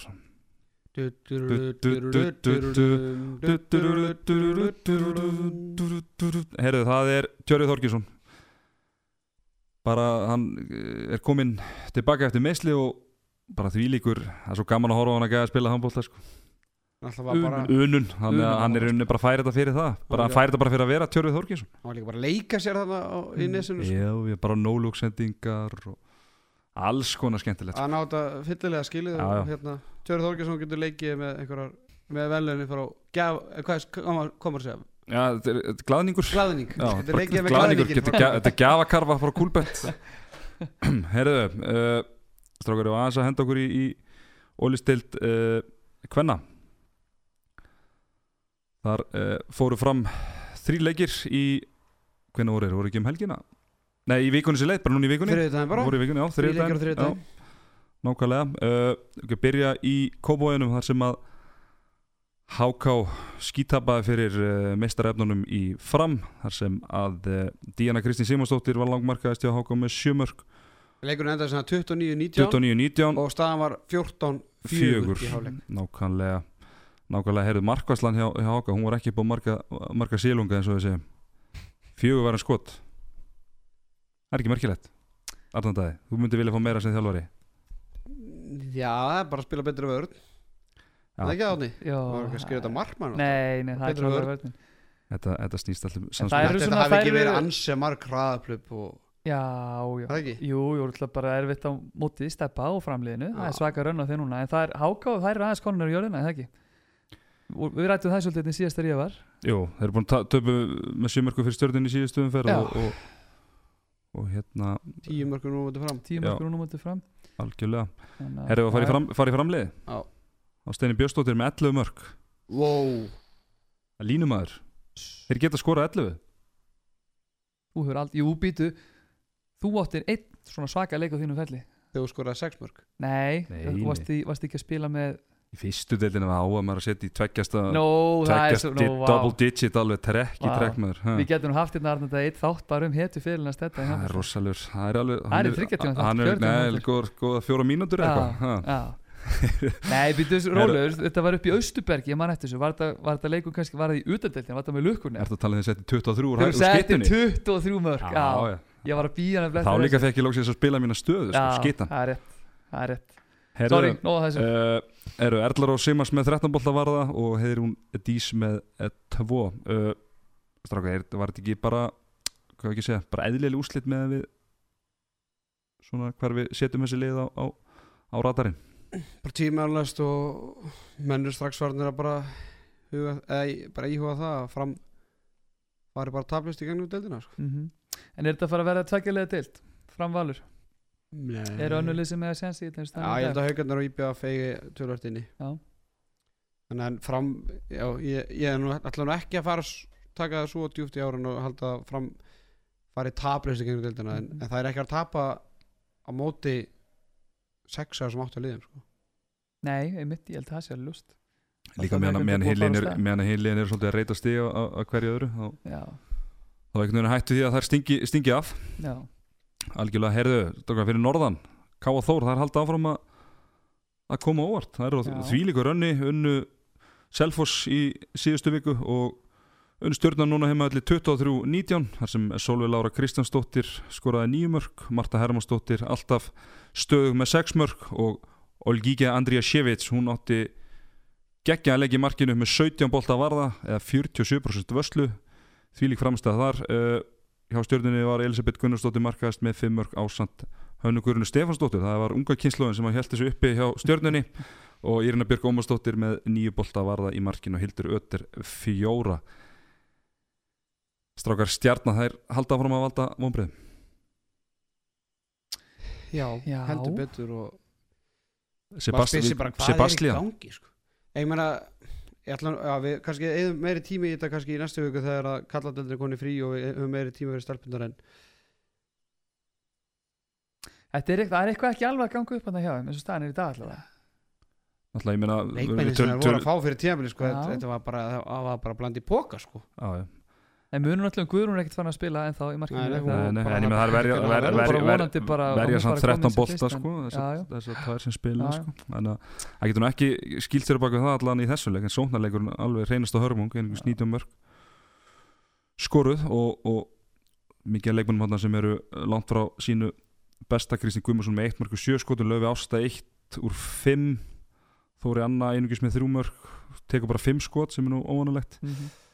Þannig En við að skulum samt ekki taka að Káa Þór að vinna leikin já, Það er virkilega, virkilega öflug og sigur bara þessi, tveir síðustu sigrar á móti liðin sem er Sel- spáð Selfoss úti Já, þetta. Já. liðin sem er spáð í rauninni sætunum fyrir Já. 15 og 17 sko. Já, Selfoss út er alveg takk, Já. Arnandæði, takk fyrir Já, Takk fyrir það aftur 500, kærlega. 500 dúlunar munið, aldrei yes. Herru, Svo- ekki glemma því sko að Káða Þóra Háka í næsta leik Já, þannig að þær getur verið bara konum átta stíð eftir sex umferðir og, Já. Það er náttúrulega geggjað geggjað. fjóru stíðum fram með Háka sem er kannski lið sem er að berast um fallið og, Mhm, þannig Algjörlega. Algjörlega, herru Arnandæði fyrir leikin sem við ætlum að fara yfir núna Valur Selfoss, þú varst með einhvern miða þarna kláran eða ekki, jú, kannski finnur hann en allavega þá uh, fóru stelpunar hans Gústa Jó það fóru, það fóru ekki það voru bara á í Órika höllinu sinni og, unnu þar Selfoss 24-19 þar sem Anna Úrsula var með 6 mörg og Morgan Mari Þorkelsdóttir með 5 Íris Björk flott í markinu með 14 bolta varða eða yfir 40% vöslu hjá Selfossi var Perlarud Albrechtsdóttir markaðist með 6 mörg og Harpar Solveig og Hrafnildur Hanna með 4 og Hrafnildur Hanna tók 17 skot til að skora þessi 4 mörg uh, Katrin Ósk með 9 bolta, bolta varða í markinu og áslug Ír 6-2 uh, Arnardæði, það vakti aðtikli þín að eftir leikin þá Okkur barst bref okkur bara spref Við tölum um, við tölum um að, að þær myndu hlusta á, á handkasti til að peppa upp fyrir þennan leik. Já, ég, ég menna, Og Gústi Jó, okkar, okkar Já. hárprófið maður, hann var bara skýt stressaður og lefði heyra það fyrir leik. Já, já, hann, er, ha, Hann- hann- Ég hann- væri hann- að þessu. hann elskar hann elskar að hérna, vera með pressun á sér Gústi, hann verður nú ekki sagaður um hana. En allavega, ef, ef við ræðum aðeins sko, hérna, Selfoss bara setna var bara hræðilur það var bara jaft lengi vel og, og 9-7 í hálfleik og, en ég menna Hrafnundur Hanna er bara ekki lík sjálfur sér og, og, og Hvað er að hérna, gerast þar? Kristof Steinþór stóti, ég heldur hún hafi verið 0-7 eða 0-8 í skotinningu Ég skal, ég skal bara staðfesta það hérna. Uh, Já, já, 0-8 Já. Já, já, er en, en ég meina Valur, Valur bara betur, þetta kemur ekki óvart sko. En Nei. bara þær voru með þetta var bara jaft bara lengi vel, svo bara í lokin þá bara keira valsarni yfir þetta og, og það er ansi dýrt að vera með svona líkjum eins og Hrafnildur Hönn og Kristrúnu Steinþórsdóttir bara í með var einhver kringum 20 Fjö- fjö- skotingu Fjögur mörg og 25 skotum, það er þær saman. Mhm. Og það er náttúrulega án Sigus, eða ekki, í deildinni? Selfoss? Jættir móti stjórnunni Já, það er ekki, er ekki einu stíð Nei, stjartan vann náttúrulega háká Þannig að það er með þrjú stíð en hérna, já, okkur var barst bref það var samt til hérna hvað hva, hva, hva, hva kallar maður þetta svona Það voru með ákveðið markmið fyrir leikin markmiðablað, Selfoss. Sum- þjálf- Við þekkjum undir nú þjálfur bara Það er oft svona, þú veist, strákið við ætlum að eða stelpur, við ætlum að vera með 15 broti fríkost í hvorum háluleika eða eitthvað slíkt sko. Mhm. vera með eh, ekki vera með fleiri en fjóru og tapa bolta í, í háluleika eitthvað þú veist, allir sem að spila handbolta þekkja þetta en þetta var svona nýstarlegt markmiðablaðar þarna dag Já, hérna er svona sko fyrsta markmiði var tíu skipti þar sem all liðið fagnar eftir fríkast. Og Salforsliðið náði 15 sinnum að gera það. Þannig að það er náðu því. Gefið því gott klapp. Uh, Markmið nr. 2, hlaupa hestin tíu sem rétt, það er svona einhver Það er önnur eitthvað- bylgja. Það er fara eitthvað á kerfi. basta. á- að fara að basta Mm. hlaupa því tíu sem rétt, það er gera það bara 5 sinnum. Ó. uh, Ok, ok. Fimm liðsfögn við markvæslu voru náða því náðu fjórum. Ó, Tíu mörg þar sem allir, allar setja hnefa á loft. Já, það er pumpa.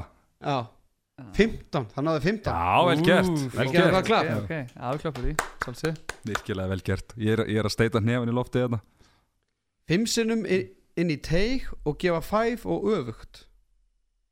Skilur þetta ekki alveg? Ha. En það náðu þessu sex sinnum. Já, ok. Já, já, já, ok. Hvað er þetta að gefa markmann? Það hlýtur að vera, það hlýtur að vera. Það náðu því allavega. Já, já Segja einir sinni hvað einhver er góð. Já. Ok, Ok. Ok.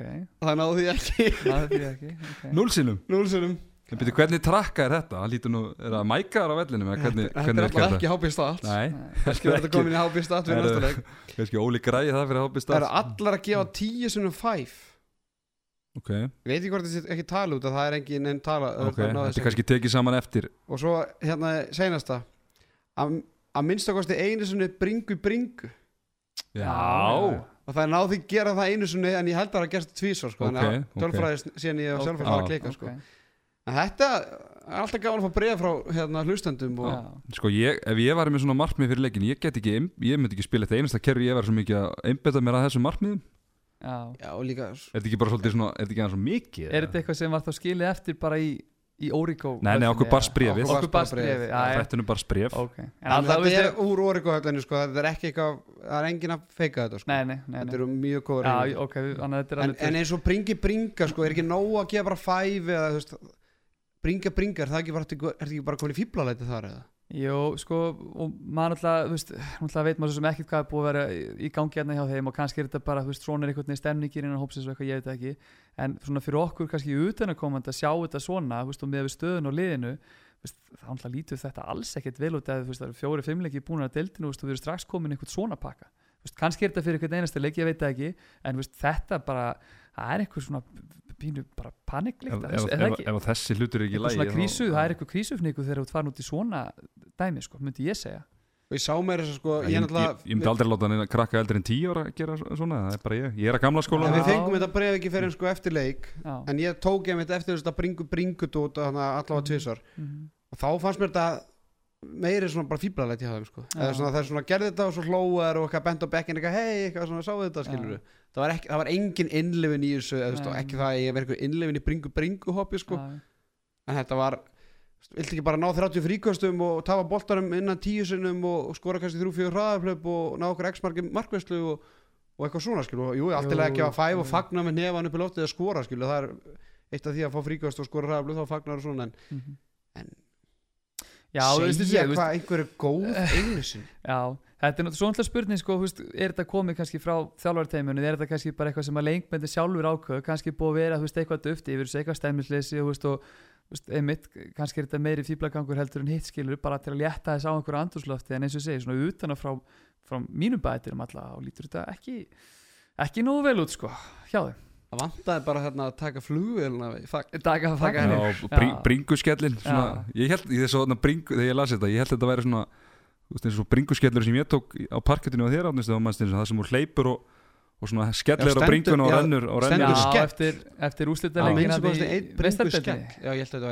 bringu sjell eitthvað Já, ég held að þetta væri svona það sem hún hoppar og svona rennir eftir parkettinu, Þú skilur, á maður persónlega lækkaðir fasteinamætti á húsinu hjá mömmu og pappa um svona einu og hálfa miljón bara við það Það United klára meistarlítana 2008 Eðilega grundflutin og Það gólfinu er sko. líklega besti dagur aðeiminnir en Já. við ræðum það kannski síðar En svo all- allavega sko líka, sorry, bara til að klára þennan punkt saman svo sem hvaðan þetta blað kemur þú veist, ég samt allavega sem þjálfari þetta er nú samt eitthvað sem ég er nú bara kosið að halda svolítið inn að lýsi sko. Brent þýðir, eftir leik sko já ég þú veist, bara að ég ekki bara skilja þetta eftir á bæknum Já, nákvæmlega, það, er alltaf að, þú veist, þú tapa leik líka, það er alltaf kjánlegt þegar svona einhvern veginn.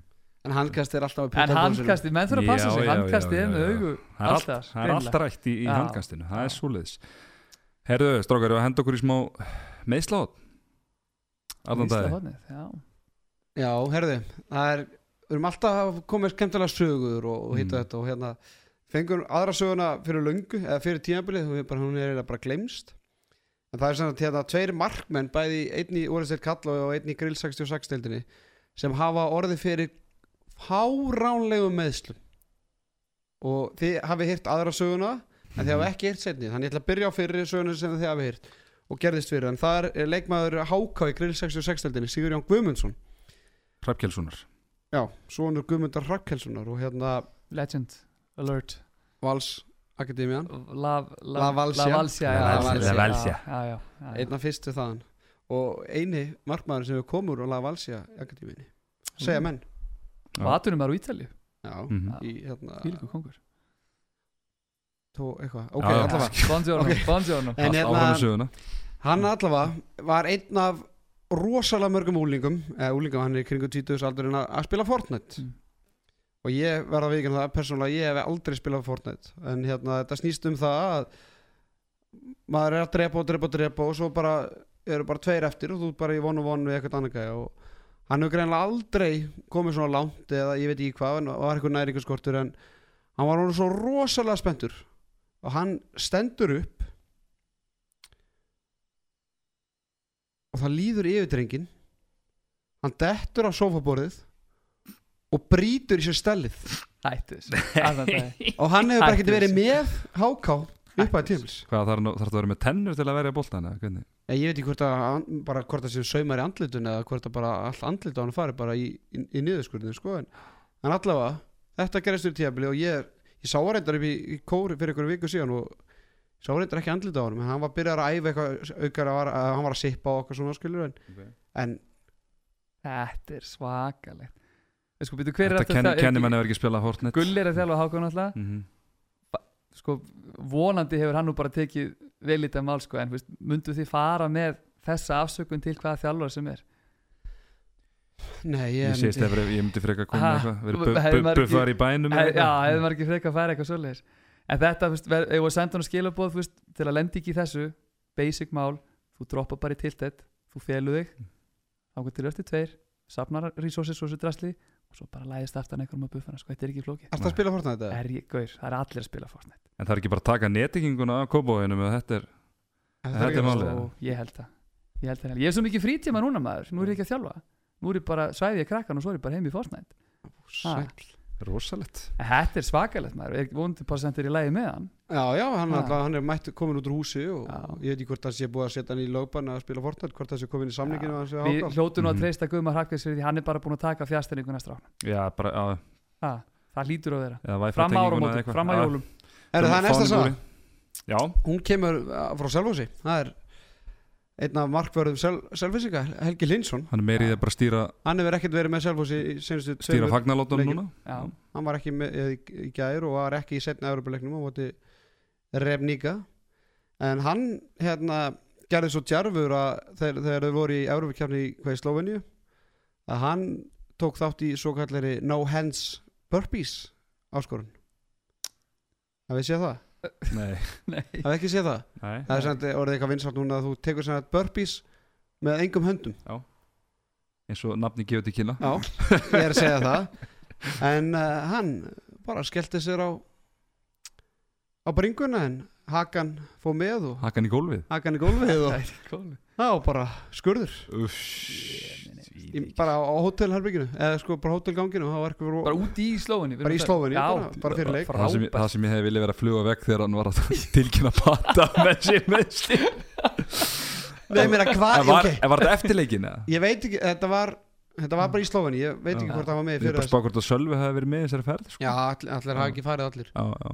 En hérna ég meina ég veit að markmenn eru steikt eintak sko og Já. þarf að vera ansi steiktu til að vera í marki í handbólta sko, Já. bara með full, fullur verðingu Ágúst Eli til dæmis, það er gott dæmi Já, ég vissi hvort ég mætti eitthvað að segja sko, en þú veist, þess, þess að ég hef nú heyrt að margar frá stórvinum mínum Ágúst Eli og bara byrð vel að helsa honum í síð þegar hann er að hlusta en þetta er, þetta er eitthvað next level dæmi sko. þetta er alveg ræð þetta er, Þetta er. Helgi svo, er, munið rétt er hann ekki hérna, er hann ekki starting outside linebacker líka fyrir hérna, Það var Sölvi Nei, það er það er Sölvi, já, Já. ok, ok, ég er glemast saman já. Þannig að það er bara stórleikuð þeim núna á næstunni Ok. Nú. á móti liði frá uh, Þískaland held ég, einhver alveg Já. NFL liði sko. þannig að hann allavega, þú veist, það er ekkert vesið þá á Nei. Sölva þar, Nei, nei. það er læg með hugun á honum en þetta var svona smá útidúr og, og hérna Já. Alltaf gamra og góða sögur sko. Jú, jú. skemmtilegu liðu líka meðslahotnið með Já, já, þannig Skemmtilega að, þannig að ef að hlustendur eru með eitthvað skemmtilega sögur það með endilega senda á okkur Já. og við ræðum það. Erum dróka, nú ætlum við að fara í svolítið skemmtilegt. Gerum betur Gerum betur. Gerum okkar, gerum okkar, gerum okkar, gerum okkar besta. Og aðeins betur er það er það sem þarf Gerum okkar, gerum okkar, gerum okkar, gerum okkar besta. Hvað er að því? hvað er að gerast núna en þessi þætti, hvað er í gangi? Herru, þetta lag Við gerum okkar, gerum okkar best og aðeins betur ef það er það sem þarf. Stráka, við ætlum í vonbreiðalið Hvernig fannst ykkur, þessi, brú? þetta var djöft þetta var rosa. Þetta, var, alveg brú sko. Er vombriðalið maður. Herru, við ákveðum að velja vonbreiðalið Ólistildar Karla hinga til er það, það nokkuð ofsnemt? Nei, nei, nei, nei, bara eftir fimm og vonbreiðalið bara eftir fimm umferðir Fimm Já, leikir búnir, og meina, það kom er- með línur ágætis- farnar að skýrast. Já, já, ég meina, kom með næstu í eitt fjórða mótinu nánast að við ég held að líka sé bara komin náttúrulega, þú veist, við erum ekkert eitthvað hérna drulluð menn, við erum bara að rýna til gags. Já, við erum líka að tala um við viljum bara að menn og, við erum ekki, endilega, við erum ekki að velja eitthvað lél, lélugustu leikmenni heldur þá leikmenn sem að við erum með eitthvað já, vonur og og þeir eru búin að, og það er náttúrulega yfirlega því að bara menn eru góðir, akkurat, en þeir eru bara ekki búin að standa undir þeim. Já, þannig að við ekki henda okkur við vorum bara ekki alveg sammála við erum ekki sammálaðir, við bara tökum Þannig að umræðuna. þetta getur orðið 40 minna spjall sko. já, Já, já, já, þannig að það endur bara þryggja tíma þetta, allt í góðu með það, það er það svo bjútið við podcasti, sko, það er það er alveg saman hún getur verið með endurist langa þætti. Ég heldur að bara, ég heldur reyndar að hún ráður bara við tveggja tíma upptöku þessi græði hérna, þannig að kannski reynum að vera ok, þá tölum ágætla, við það. ágætla kjarnirtir, heyrðu, strákar, markinu. Viktor Gísli Hallgrímsson Allt Grimson landslismadur Já, það- átti, átti gjössalega frábært mót með, með hérna, uh, hvað er átjónarlandsliðinu í, í sumar. Uh, eins og Tómas Þór Þórðarsson vinnuð þáttari segir ofta að það er búið að setja mörg ekki í Viktor Gísla körfuna. Mm. þetta á að vera okkar næsta bara stórstjarna í markinu. Og það er verið að þú veist búið að leggja mikið inn að strák uh, komu engaðingar hjá, hjá Tóm, markmannsæðingar hjá Tómas, Tómasi Svensson og, og allt það. Uh, hann er í 15. sæti er prósentu á Hobbystad, 29% fæst var í víti aðeins greitaræri sem hefur varið farið í víti Mm. uh, Þetta er gott dæmi um mann sem maður bindur mikla vonur Já. um og hann er ekki að standa fyrir sínu langt í frá að vera liðlægsti markmaður í deildinni þannig að það, það get ekki að fara að skjóta okkur í því að þetta sé ekki liðlægsti markmaður við vitum það, Mhm. en hann getur tölvöld betur en það sem Æ, hann er eini leikmann deildarinn sem er í íslenska landsliðinu og hann er í 15. sæti yfir prósundu veslu já, ha, er hann eini, eini markmaður eini markmaður lítil, eini markmaður Já. eini leikmaður já, þetta er sko þetta er, það er svo óþægilegt alltaf að tala um hana því manni finnst eitthvað svo grilla að vera gaggrina eða vilja fá meira frá markmanni sem er ennþá bara þetta ungur þú veist, hann alltaf, það er áratúri að gæna að vera topp ef allt er eðlilegt sko. En hann er samt já, búin að bara skipa sér á þann stallan og eins og þið segi, er þriði markmaður í landslið að, það getur ekki verið ósakjönd að gera aðeins meiri kröfu til hans en þú veist, við náttúrulega rættum þetta inn í fyrsta þættinu þú veist að vörðin hjá fram var eins og hún var í fyrra. Svo heyrði ég þetta um daginn þegar hérna, okkar maður El Pistole Bistan, Bissan, var í heimsók að hérna þeir eru orðinir ánæri með vörnina núna en nú var í fyrra. Þú veist, fá meiri hæðarnin í miðjublokkinu og allt þetta. Ægir og andra heimir Ægir og Andri Mm. Heimir og allt þetta. Þannig að strandar þetta núna á Viktor Gísla eða er, er vörnina þá ekki nægilega góð Hvað heldur þú? það, það, það er ja, samsum áður, þá, ég meina sérstaklega í ljósið þessa er að fá þessa tvo menn inn þá bara hefur hann bara valdið vonbrið Mm, við þurfum bara að tala um það eins og það er. Já, ok. markmenn sem komið til greina? Já, þú vildir henda hverjum?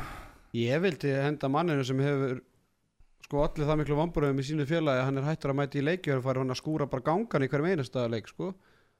Það er Lazar Hazar Lazar Hazar Lazar Mini Lazar Mínis, Lazar já. Minic. Vi, vi, Við rættum hann líka en sko fyrir mitt leiti sko að þið erum að meða einhverja væntingar. Ég einhvern veginn fór aldrei á þann stað að- hafa einhverja geggja væntingar Mm. til þess að gæða maður náttúrulega en þú bjóst samt við að maður já, geti varið já, eitt já, handbólta já, já, en við sko en við erum náttúrulega bara að byggja okkar væntingar á þú veist, við höfum undirbúinstímabil og allt það. Ég meina hann kemur hérna og, og maður veit ekki neitt og bara býr eftir að sjá hann undirbúinstímabil og þá heyrir maður að hann hafi allir vonbröðum og svo fer maður og hafna fyrir móti horfum hann þar og þar getur hann ekki neitt þannig að Hvar byrjuðu væntingarnar? Byrjuðu þar þegar hann var að skrifa undir eða þú vissi hann að gæti ekki neitt? já, það er rauninni bara þú byggir ákveðna væntingar Hverju voru horfir- voru bara voru- væntingarnar það að hann er bara góð að bara- gangana af kafleikriða? bara mjög litlar, það myndi gera lítið af því sem ég, sem ég sá honum Jú, meina- maður hefur ekki gert neitt fyrir félagi Nei, hann er alveg valdið vonbriðum en mér finnst bara að Viktor hafa valdið meiri vonbriðum Já. Þó að náttúrulega Viktor sé búin að vera miklu betri Já. allan hefur, hefur allan að vænting, væntingakurvanum mér fór aldrei það hátt að, að Ég meina það fyrir, að fyrir hans hönd að, er, Hvernig getur þú valdið meiri vonbröð en það að þú ert ekki lengur í hóp og þú ert orðin fjórði markmaður í liðinu þínu? Getur þú valdið meiri vonbröðum eða hvað hann að vera fymti markmaður eða já, maður er ekki að spila þá hann alltaf getur hann ekki sýta hann sko. hann við, það Al- ég er sammála því en, en, en væntingakurvan fór aldrei það langt upp á við að ef við bara fyrir, þú, þú, þú, klárar, þú klárar ekki marga starfra áfengi í Flensborg kannski nei, ég segi svona wow. Nei, nei, ég er að djóka, Wow, ok. ég er að djóka En ef við setjum einhvern upp á spún þar sem að vendingarnar eru þá, Hverju þá, voru er, þá er, það eru bara litlar Já, Já, bara hverjar, segðu það, eitt skot í leik eða, ég meina bara Birkir er því almarkmaður og hann kæmi svona inn kannski við og við já, hver er Já, staðan núna? Hver er staðan núna? miklu Hann er já, ekki já. eins og Hann hefur þriði valdið- hann er orðin hefur- hann hefur valdið vonbröðum en finnst Viktor að valdið meiri vonbröðum Hvað þarf ha Hazar að gera til að valda meiri vonbröðum? Hann getur Bara ekki, hann, hann, hann einn og sér getur ekki, þú veist, kannski valdið meiri vonbröðum mér finnst að Viktor að valdið meiri vonbröðum bara með Já, vendingarnar Ég held að svo, hérna krakka minni svo við kannski grípa aðeins inn í þetta að hérna, ég held að þessi tettir reyna að minna er að, þess að, að kannski var hlutverki sem Lazar átt að fara í ekki eins stórt eins og hlutverki sem Viktor Gísli er ætla Viktor Gísli er kannski þekktari stærð þú veist, ég hafi aldrei heyrt um að Lazar þegar hans nafn kom fyrst upp meðan ég var ennþá í kriganum. Og veist, já, ég Hvernig hættur í kriganum? hvað segir Hvernig hættur í kriganum? Já, hvað spurning, ekki bara í júni held ég. Hann það er búið að skrifa undir, í- hann er komin í félagi í júni Já, var, já, Varst þú ekki með the scouting process? Jú, eins og segi, þegar við fórum fyrst að skoða hann alltaf, þú veist, ég held að svona hvað sé, passa maður svo, hvernig orðið það sko Nei, En ekkur svona- þetta passa? Nei, ég segi sko, þú veist, ég held að svona væntinganda líka kannski sem voru gerða til hans úr kriganum hafa ekki endilega verið þær að hann væri að koma einn inn sem bara óskoraði markmaður nummer eitt og þetta ætti að vera bara ágústeil nummer Alls 2 ekki. einhver bjargvætti En fyrir að það hann skulle vera hann fjórði Auðvitað- markmaður Já, algjörlega. auðvitað hefur hann valdið miklu Að- auðvitað það er að það Að er ástæð fyrir hann er sjálfsögðu. þarna- Þú veist, hvað það að að að að 40%? kannski hann myndi taka 35, næsta 40. skref upp á Já, við núna 35, Nákvæmlega. já, ok sem hann 35, hefur 40. ekki náð að taka Já, Mhm. Það, og eins og segja, veist, þú- hann stendur okkur nær þetta er náttúrulega landslismarkmaður og framtíða landslismarkmaður okkar. Og meðan Lasar, þú veist Svo veit maður ekkert af hverju, þú veist, ég meina það er verið að setja undir hóp. Það er kannski eitthvað annað svo en sem tengist möguleiki- kannski framstöðun er Já, er við getum- við við bara sett Já, klefa við getum sett bara Dino Spíran eða hvernig í BVF skilur Já, Ég meina, já. maður bjóst, maður bjóst nú við kannski að hann myndi spila alveg eitt leik eða eitthvað. En líka, þú veist, ef við tökum þarna líka. ef við, En ef við tökum þessi rauk, ég meina, þú veist, gæði eins og Pavel sem er í Selfos sem er náttúrulega byrjunalismarkmaður, þú veist, í pólsku eftirdeldinni, þú með þeim raukum, þú veist, ættu að vilja fá meira frá honum, þú veist, Já, hann er búin að standa sér mjög vel í deildinni heima, Já. en er hann samt að valda vonbrum, ef þú skiljið hvað ég að meina? Já, já, Þetta er þetta snýst svo mikið um hvar maður setur það, það, á og það, það er það sem að, væntalega þetta lið byggir á. Væntingarlega, Já. e, senast punktur á mér bara. Þú veist, þú ert að fá útlending. Skilur það hjartana En hvernig er hann að skúra það í gólfið? hjartana Ha. saman Já, illa. Já, það staðfest. Nei, bara þú veist að þið Maður er að fá útlending skilur Mhm. Þá er all, alltaf einhverjar væntingar. En algjör, hann Já, er ekki, sko, hann er ekki Hann er ekki þessi trommusveiti, sko Hann er ekki þessi mafíun, sko. Nei, nákvæmlega. Hann er bara ennþá að skúra, Já. sko.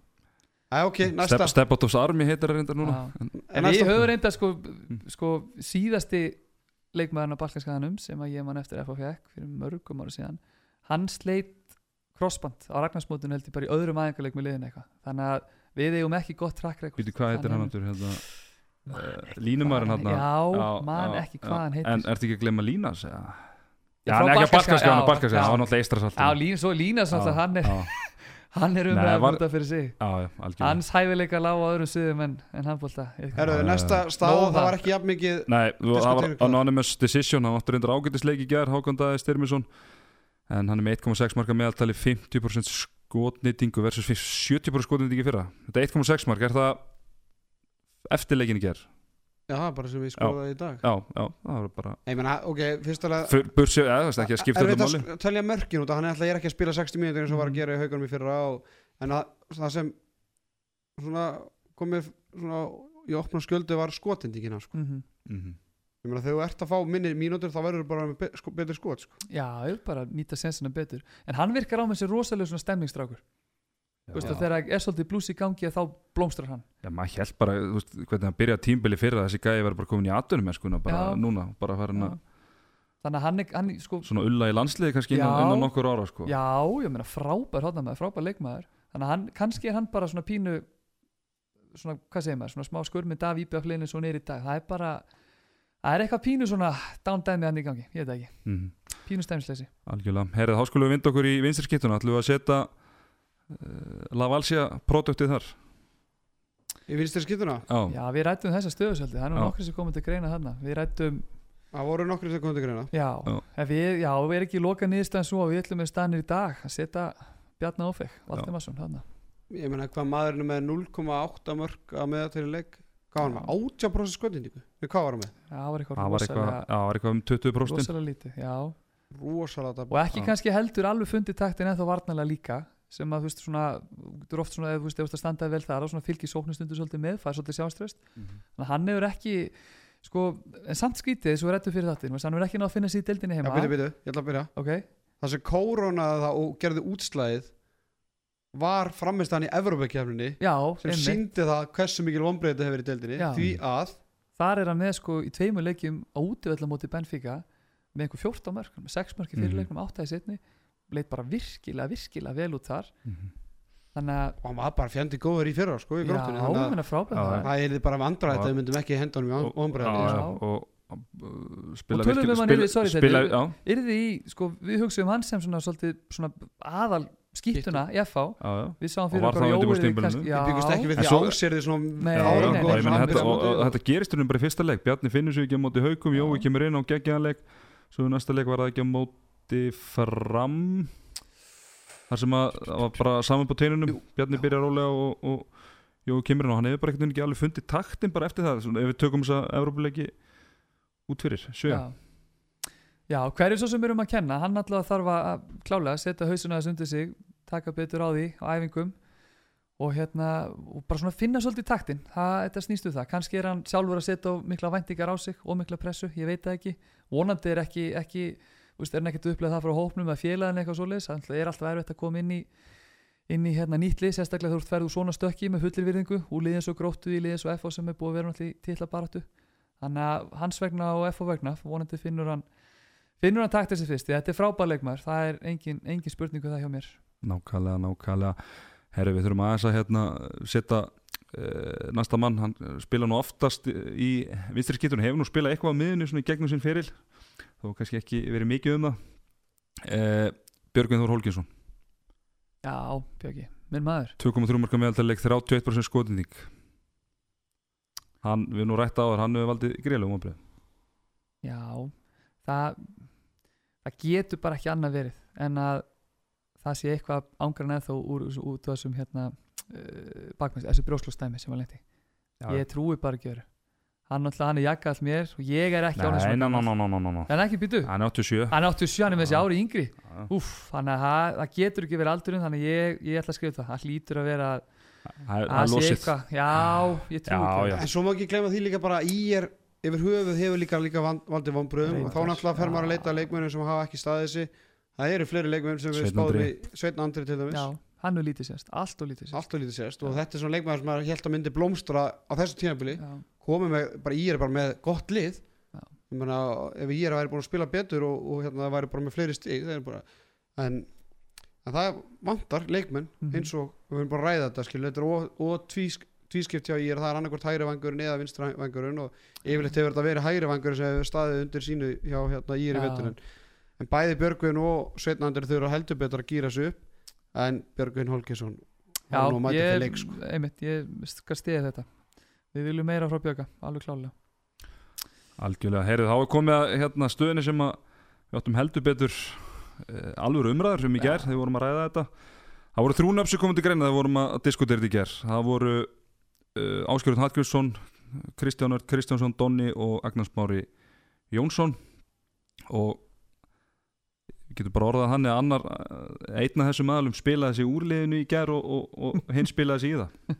Já og Ásgeir var ekkert að hjálpa sér heldur mikið til en en hann er bara með það mikið af stóðsendingum hann er í rauninni, hann Já. kannski En það er svona Agnars Mári Jónsson leikmaður valsær í hægri skiptunni Ég var einmitt að hugsa í dag að ég hendi líka því ég var sérfræðingunni var á áttunni í fyrra í Mm. hérna íþróttaþættinu Gatorade og hver, ein, hverjum einsta föstu er það ekki við- Torreit ef þú vilt hafa þannig. En hérna, að þá hendi ég líka í vonbregalið hvort að það hefði verið um áramótin eða eitthvað. Þar var Agnars Mári líka sko. ég, Man það núna. okay. hann, bara, hann, mæti, hann stimplaði sig inn eftir jólafríð Já, þannig ég hræðist nú ekkert að vera gaggrina Agga en Aggi veit að bara manna beð sjálfur og ég meina hann er með þrjú mörg að meðatali leik 35% skotindíku þar af 6 mörg á móti stjörnunni þegar hann var með 50% nýtingu þar. Mm. þannig að veist, hann er með undir þrjú mörg í nánast öllu leikjunum með, nema þessa leik. Uh, leikunni gær hann fer að stóru leiti með, þetta er, þetta þetta er þegar ein, all, ég er nú segið marga leiki með marga, marga vini mínum og þetta er uh, einhver svo allra vesti sem ég sé hann spila bara á ferlinum þú veist, ekki voru hjá, dómarinn líka hjálpa Nei, það sko. voru nú alveg það sem rún, hann fekk þrá eða fjóra ruðning á sig að allavega tveira þeim Tók- hafi tókst verið, eftir verið, verið hérna- vítakast sko þegar félagarnir þeir voru í yfirtölu og Aggi fer eiginlega melli sko e, hvað sem er, 1 og 0 hann fór eiginlega bara fram hjá hotnamann og fær Já. rauðningar Já. og Sveinn Aron, vinnur hans var sko dauða frýr og Snorri tekur svo leikli í næstu sók og Svenni lætur Agga heyra það þá myndi maður svona á Svenni og Agga í fymtalóki sko, þegar Svenni og, og Aggi voru með horpöndin sko, og hérna, Svenni var ekki, ekki hærri en 1.40 sko. Ah, honum var ekki skemmt. hann er alveg komin alveg ágætlega yfir 1.50 núna eða ekki jú, jú. En, en A- Agnar Smári þú veist, hann, hann- við vorum að tala um þetta Robert Aron, hann getur líka verið í þessu liði og, og fleiri, Mhm. en Agnar Smári þetta er svona leikmar ef þú er að spyrja einhvern það er svo mikið uppsætt í honum já, og ef þú ert að spyrja einhvern ókunna mann sem fylgist ekkert rosalega mikið um handbólta það vita allir hver Agnar Smári er, hann er Mhm. alltaf í, í fréttunum, hann er á forsíðu myndunum þegar IBF eru byggamestar og Íslandsmestarar og hann hefur verið að fagna þessum titlum í IBF hann er að stjórna fögnum eftir einasta leik Mhm. en hann þarf að fara að einbyrða sig núna að spila handbólta sko. Já, þú veist enn Það og er líka aftur. fúlt að hann að koma heim skilur já, já. En eins og er- ég hef talað mánenda með Hákunda þú þá held ég að Agnars Mári sé bara svona ímynd bara svona stemnings handbóltaleikmassins, þetta er svona gauð sem á hann hvort bara stjörnuleiki eða bara, það ekki, virkilega glataleiki hann á aldrei bara svona melló, bara svona stöðu hann allt í lægi, nokkra leikja kabla þannig að, þú veist, erum við ekki bara að býða eftir úrstakefni byrju og þá verður hann geggjar, er þetta ekki alltaf þannig? Jú, jú, ég, ég hef enga trú að öðru. Ha. hann, allan, hann, hann, tek, tekur, hann tekur alltaf sín skot. Það er alveg, Já, það er alveg klart mál. Heyri á hægra hodnið, þar setjum við uh, Þorgeir Bjarka Davísson uh, leikma fram. Uh, hægra hotni á fram ekki verið að gera uh, góða hluti. Þar sem af við móti eru ekki hvað samtals með eitthvað sex mörku í fimm leikjum. Er rótnið að fram? Já, Jú, og held líka veist, hægri hotnarstaðan í öðru liðum er bara að gera góða hluti ég meina Mm. Haldur og Brynjálfur í vinstur hotninu hjá haugunum, Birgir hjá FH Leo hjá stjórnunni Ágú, nei, Kristján Ári í er þurftum svolítið að beita útilokuna fyrir eiginlega bara til að finna, til að finna þetta út var Selfoss, hann hérna Alexander- Vegan. Al- Alexander, Vegan. já. Júrogan og hérna að það var svona eitt sem kom til greina annar en Þorger sem hefur bara átt afleitt með 32% skotindíku í hot- hotninu sko. Mhm. að það er átni bara Egilson í afturlíku mm Já. hann er, hann er ekki að skora nægilega mikið og, og, og skotindíkin hans er heldur ekki á marga fiska ég meina þetta er strákur sem hefur verið bara í úlíkanlandslegur mynda að fara nár og bara verið einn allra besti bara stuðasti leikmaða deildar já, já, já. en hann er það er svona, það er var, það var þeir tvei til greina en Þorger Davíð Þorgi Bjarki. Þorger Bjarki Davíðsson segir. Eitt bara sem er dettur allt í einu hug með það hvort það gæti verið, kannski ósámála mér uh, geti skipt málið þar er núntlega Birkir farin að spila í skiptunni versus hérna Erdin alltaf sem er verið að náður Erdin alltaf frábær í að finna leikmenni kringu sér, lína hot, Mhm. spila fyrir aðra. Og og, Birkir þar og. Jóhann Gunnar náttúrulega þar á meðan núntlega Birkir meiri bara svona hreinræktu skitta.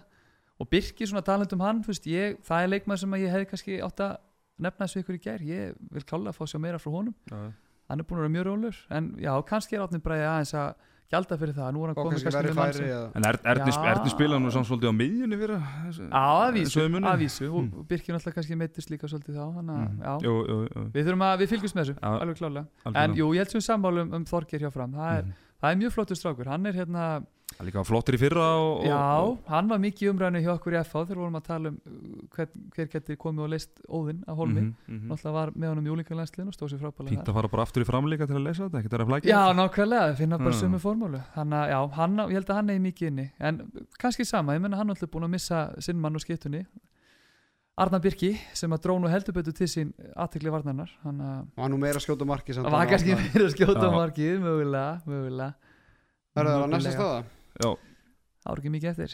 Það er, það er hérna þjálfarinn og, og línustæðan sem er eftir. Já, herru, já uh, Lína, við erum völdum tvo.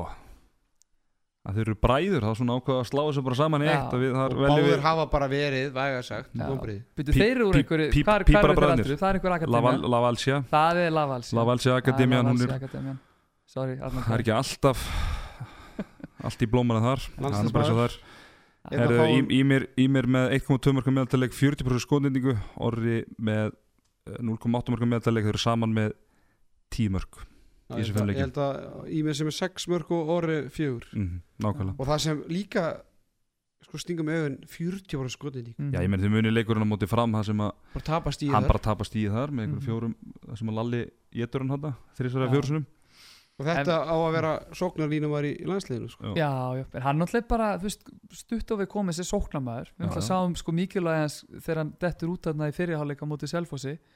Að reyðla svolítið til í, í vörðinni á, á hérna. En hann samt valin í landsliði sem línumæður meðan að Daniel Þór Ing- landslýslínum, já, Daniel Þór já. Ingarsson er meina, varnamæður veist, það er alltaf búið að taka þessi ákvörn ég man nú eftir húnum bara þegar við áttum allar þessar rimur með hérna 94-95 og, og svona strákana þær í kring hann þá náttúrulega var hann að spila fyrir utan hann og Alexander Júl saman og títt nefndur Stulli já, já, inn á línu var frábær fannst mér sem útileikmaður en það er búið að ákveða að gera hann á línumanni og þá líka bara þá verður við náttúrulega bara þú veist, sama hvort maður er valsæri ekki bara íslenskur handbólta áhuga maður unnandi verðum bara að gefa honum tíma. Það þú verður ekki línumæður yfir, yfir nótt sko. En þetta eru frábæri gæjar og hérna við búin að gaggrina hérna sko alla nema tvo eða eitthvað í val eða ekki í þessu þætti Jú, Þeir er eru bara Vignir og Já. Maggi og Anton. Sólust og samt eru þeir bara einhvern veginn solid skilur í þriða fjórða sæti tveimur stugum eftir toppliðinu mm og eiga sko helling inni. Já, síður bara hvað, Ha? hvað, hversu sterkur þessi hópur er sko? Ég held já, að já, svona- þannig að þú veist, þó að við séum alltaf þetta að búa til útastefni eða, eða podcastefni þá náttúrulega, þú veist, við hefum ekki alveg tapa okkur líka í bullinu. Nei, nei, algjörlega, herru þjálfarinn uh, það var eiginlega bara einn mann sem kom til greina þar, það var Erlingur Richardson. Mm. það voru tveir sem stum við líka? Rúnar Sigturs Já, Rúnar Rú- auðvitað, já, Rúnar, já, Rúnar já, auðvitað, já, já. en svona svona hann er er svona erfiðar aðra forsendur í honum. Hann er ekki spáð eitthvað ofalega og, og og meðsli líkil menn í, í meðslum Já. og það er stígandi í, í ég ætlaði að segja, það- maður er fann að sjá greinlega stíganda í stjórnuleginu á meðan svona það er ennþá einhver pínu lagði yfir IPVF þeir eru svona eftir að finna virkilega finnst manni Ég hef ekki ennþá séð viðtal við Erling. Ég veit það svona. Eftir, Er ekki? Ég bara sé ekki ekki. Við alltaf en eru þeir, eru þeir hann er- sagt svona eins og Snorri og, og Gulli er, það aðal og Kitt er aðstoðar? aðstofa bara Það sé alveg. Það sé alveg klart Hann- Já. frend, frend, náfrandi Benny Friðriks sem því sér Já. Platið til að bjó, haga. bjó, bjó hjá Benoni í sumar ekki- Það er ekki gaman að því það er ein umferð eftir og svo er landsleikja frí en við fyrir ekkert í frí nei, nei, Nei. nei, nei, nei, nei, no, no, no, no. við finnum eitthvað til að bja- blaðrum eins og okkur Spurði hvort einum að Gaupi mæti í einhvern mann Nei, með þá. Þið færið tveir Í Gaupa kaupa eftir- eftir umgjörð. Það getur erfitt fyrir mig að vinna það. Gaupi gæti samt, Gaupi gæti leikið þig að leika Gaupa. Það væri, það væri alveg Já, Sjáum við þetta. Úf, það verður svo geggja Það verður besti dagar aðeins þegar Gaupi mætir í, í handkasti Það er Herru, við erum ekkert búin að nefna nægilega mikið bestu veðmála síðu í Já, heimi. cool bet The greatest bet site in og the world. stöðlandi fyrir næstu umferð. Stuðlabergið er mætt ef að fara yfir þetta Þetta eru alvöru leikir sko. Herru, fimm leikir um helgina. Lögadagur, klukkan 16 Valur afturölding er- það er eitt? Það spurði hvort að þessi leikur fari fram í valseimilinu Býtu við. Vassleikin já, var það ekki bara Já, er kell, þetta ekki bara í Kjallaranum kjallaranum Er Það er alltaf bara allt í fokki Það er Það er svoleiðis. Það er bara húsið á loka í allan dag Rámasleysi og Uss. já, ok. Herru, já, við fylgjumst með því. En allavega, hann er hérna inn eins og er og það er stuðlun 1,9 á val 2,2 á afturöldingu uh, klukkan 5 á Akureyri K.A.I.R 260 og K.A. 172 á I.R stórleikur umfæriðinnar í Kaplakrika F.O. Selfoss 225 á F.O. 1,85 og Selfoss sáleikur fyrir fram 1930 glæsilegu tími það Mhm. á sunnudaginn Akureyri IBVF 3.50 á Akureyri 1.44 á IBVF og á sunnudaginn einnig klukkan 5 framgróta 1.72 á fram 2.40 á gróttu uh, sérfræðingur þú nú heldur betur verið að gefa góð betra á hérna í, í þættinum hinga til hvar munu seðlarnir liggja Það er náttúrulega K.A.I. er náttúrulega lengur komið inn á, á Mhm. bestu veðmála síðu í heiminum þessa stundina kúlbett þannig að ég er búinn að setja á íringuna Mm. en með þessa stuðla þá er fram á mati gróttu sérstaklega ef gróttu verið ennþá án Magnús Öður, Leonars og, og, og Vilja náttúrulega ennþá mittur og hérna, þá er ansi líklegt að peningarnir hjá sérfræðinginu fara á fram í þeim leik nú ekki vanur að betta á framarana Mhm. ég ætla að gjössalega að hata þau fyrir hafði enga trúa og, og bara en mér finnst það svona aðeins stöður núna þeir eru farin Mhm. að vinna handballaleiki og svona Mhm. finna skaman og, og hérna setur samt ekki 500 dúlur eða? Nei, það er örugglega svona 600 600 dúlur maður þarf að vinna þetta upp sko. já já. Ha, þannig að peningarnir er, þetta fara á er spila, ír spila, og, og fram. Algjörlega. Átni, hvar Átni, Stefán. Já, ég ætla samt að segja, það eru tveir svona óþægilega leikir Valur eftirlending F og Selfoss ég meina afturlík er bara ekki að vinna marga leiki. Og ef þeir eru í, sko, stöðu til að vinna Mhm. þá glutra þeir En samt sko 85% ávastun að veða selfosvinni handbóltileik það, það er nú bara Já, þeir náttúrulega samt afturlendi, glemir það ekki náðu í, í hörku jættil á móti Selfossi mm, í hérna stórleik þeirra umferðar þannig að ég, já, ég veit ekki með það en það er spurning með mína menn í FH ég hérna, ég síðast þetta, ég spáði sér á móti Selfoss, þeir koma feskir heim frá Portugal. Selfoss nýbúinu með eins og tölum á þess að svakalegu törn sína, erfiðuleikur á, á hérna eh, hvernig var það ekki? Þriðdæn, ger? Jú. Já, Miðvikudag. miðgudag miðgdagur í dag, já. Nei, Nei, þá í mig, já, gerum við þetta, vá já, sko. Þannig að það er spurning hvernig þeir kom inn í leikin það, Hvað var stöðlun FH særi? það var 225. 225, já. Það er, það er ekki eitthvað fullt En þetta er samt svona leikur 225, sem að maður þarf væri, að henda F-fagnum út í það sko. Ég veit að ég er rosa Alltaf með mér á, í krigan og lögadagina Ég verði eiginlega náða að miksa þannig komist Já, Já, ég er, sa- já, jú, ég ætla að stefna á það. I liked it. Like it, I like it. Heyrðu- 1930 leikur í kriganum. Já, já. Við þurfum sko, þá Fáum maður jafnvel verður inn. mættu tímalegt þetta til að náðu miða. Það er sko, við erum að tala um það er DJ fyrir leik. Ok. Það er hamburgarar mhm. Gellir Það er ljósasjó. Gellir Hver er kynni núna í kriganum? Herru, Er ég get alveg sett í það. Það er Jói Skag og hann verður í jakkafötunum. Nú, og það er sko þegar Jói Skag er í jakkafötunum í krigunum þá, þá stendur eitthvað mikið til. þá stendur eitthvað mikið til. Þannig að við hvetjum alla til að kíkja. Ekki bara í krigan, þrír- bara á tveir, völlin þrír- tveir, þrír gráður Sjálfsögðu. jafnvel og eitthvað. Já, já, hver, hver veit, hver veit. Ég er nú bara í vatninu vel Herri strókari, við erum búin að bladra allt og lengi eins og venjulega. Uh, Ef við ekki bara segja þetta gott Jú, ég held það. Og Geggju, bara aftur, fá geggju fólk, helgi framöndan fá fólk á völlin Við erum að fara þetta í pásu. Aftur Svo minnum við á, Four leikin okkar. Við förum að draga út í næstu viku. Já, þannig að farið á Facebook og Twitter og takið þátt í því.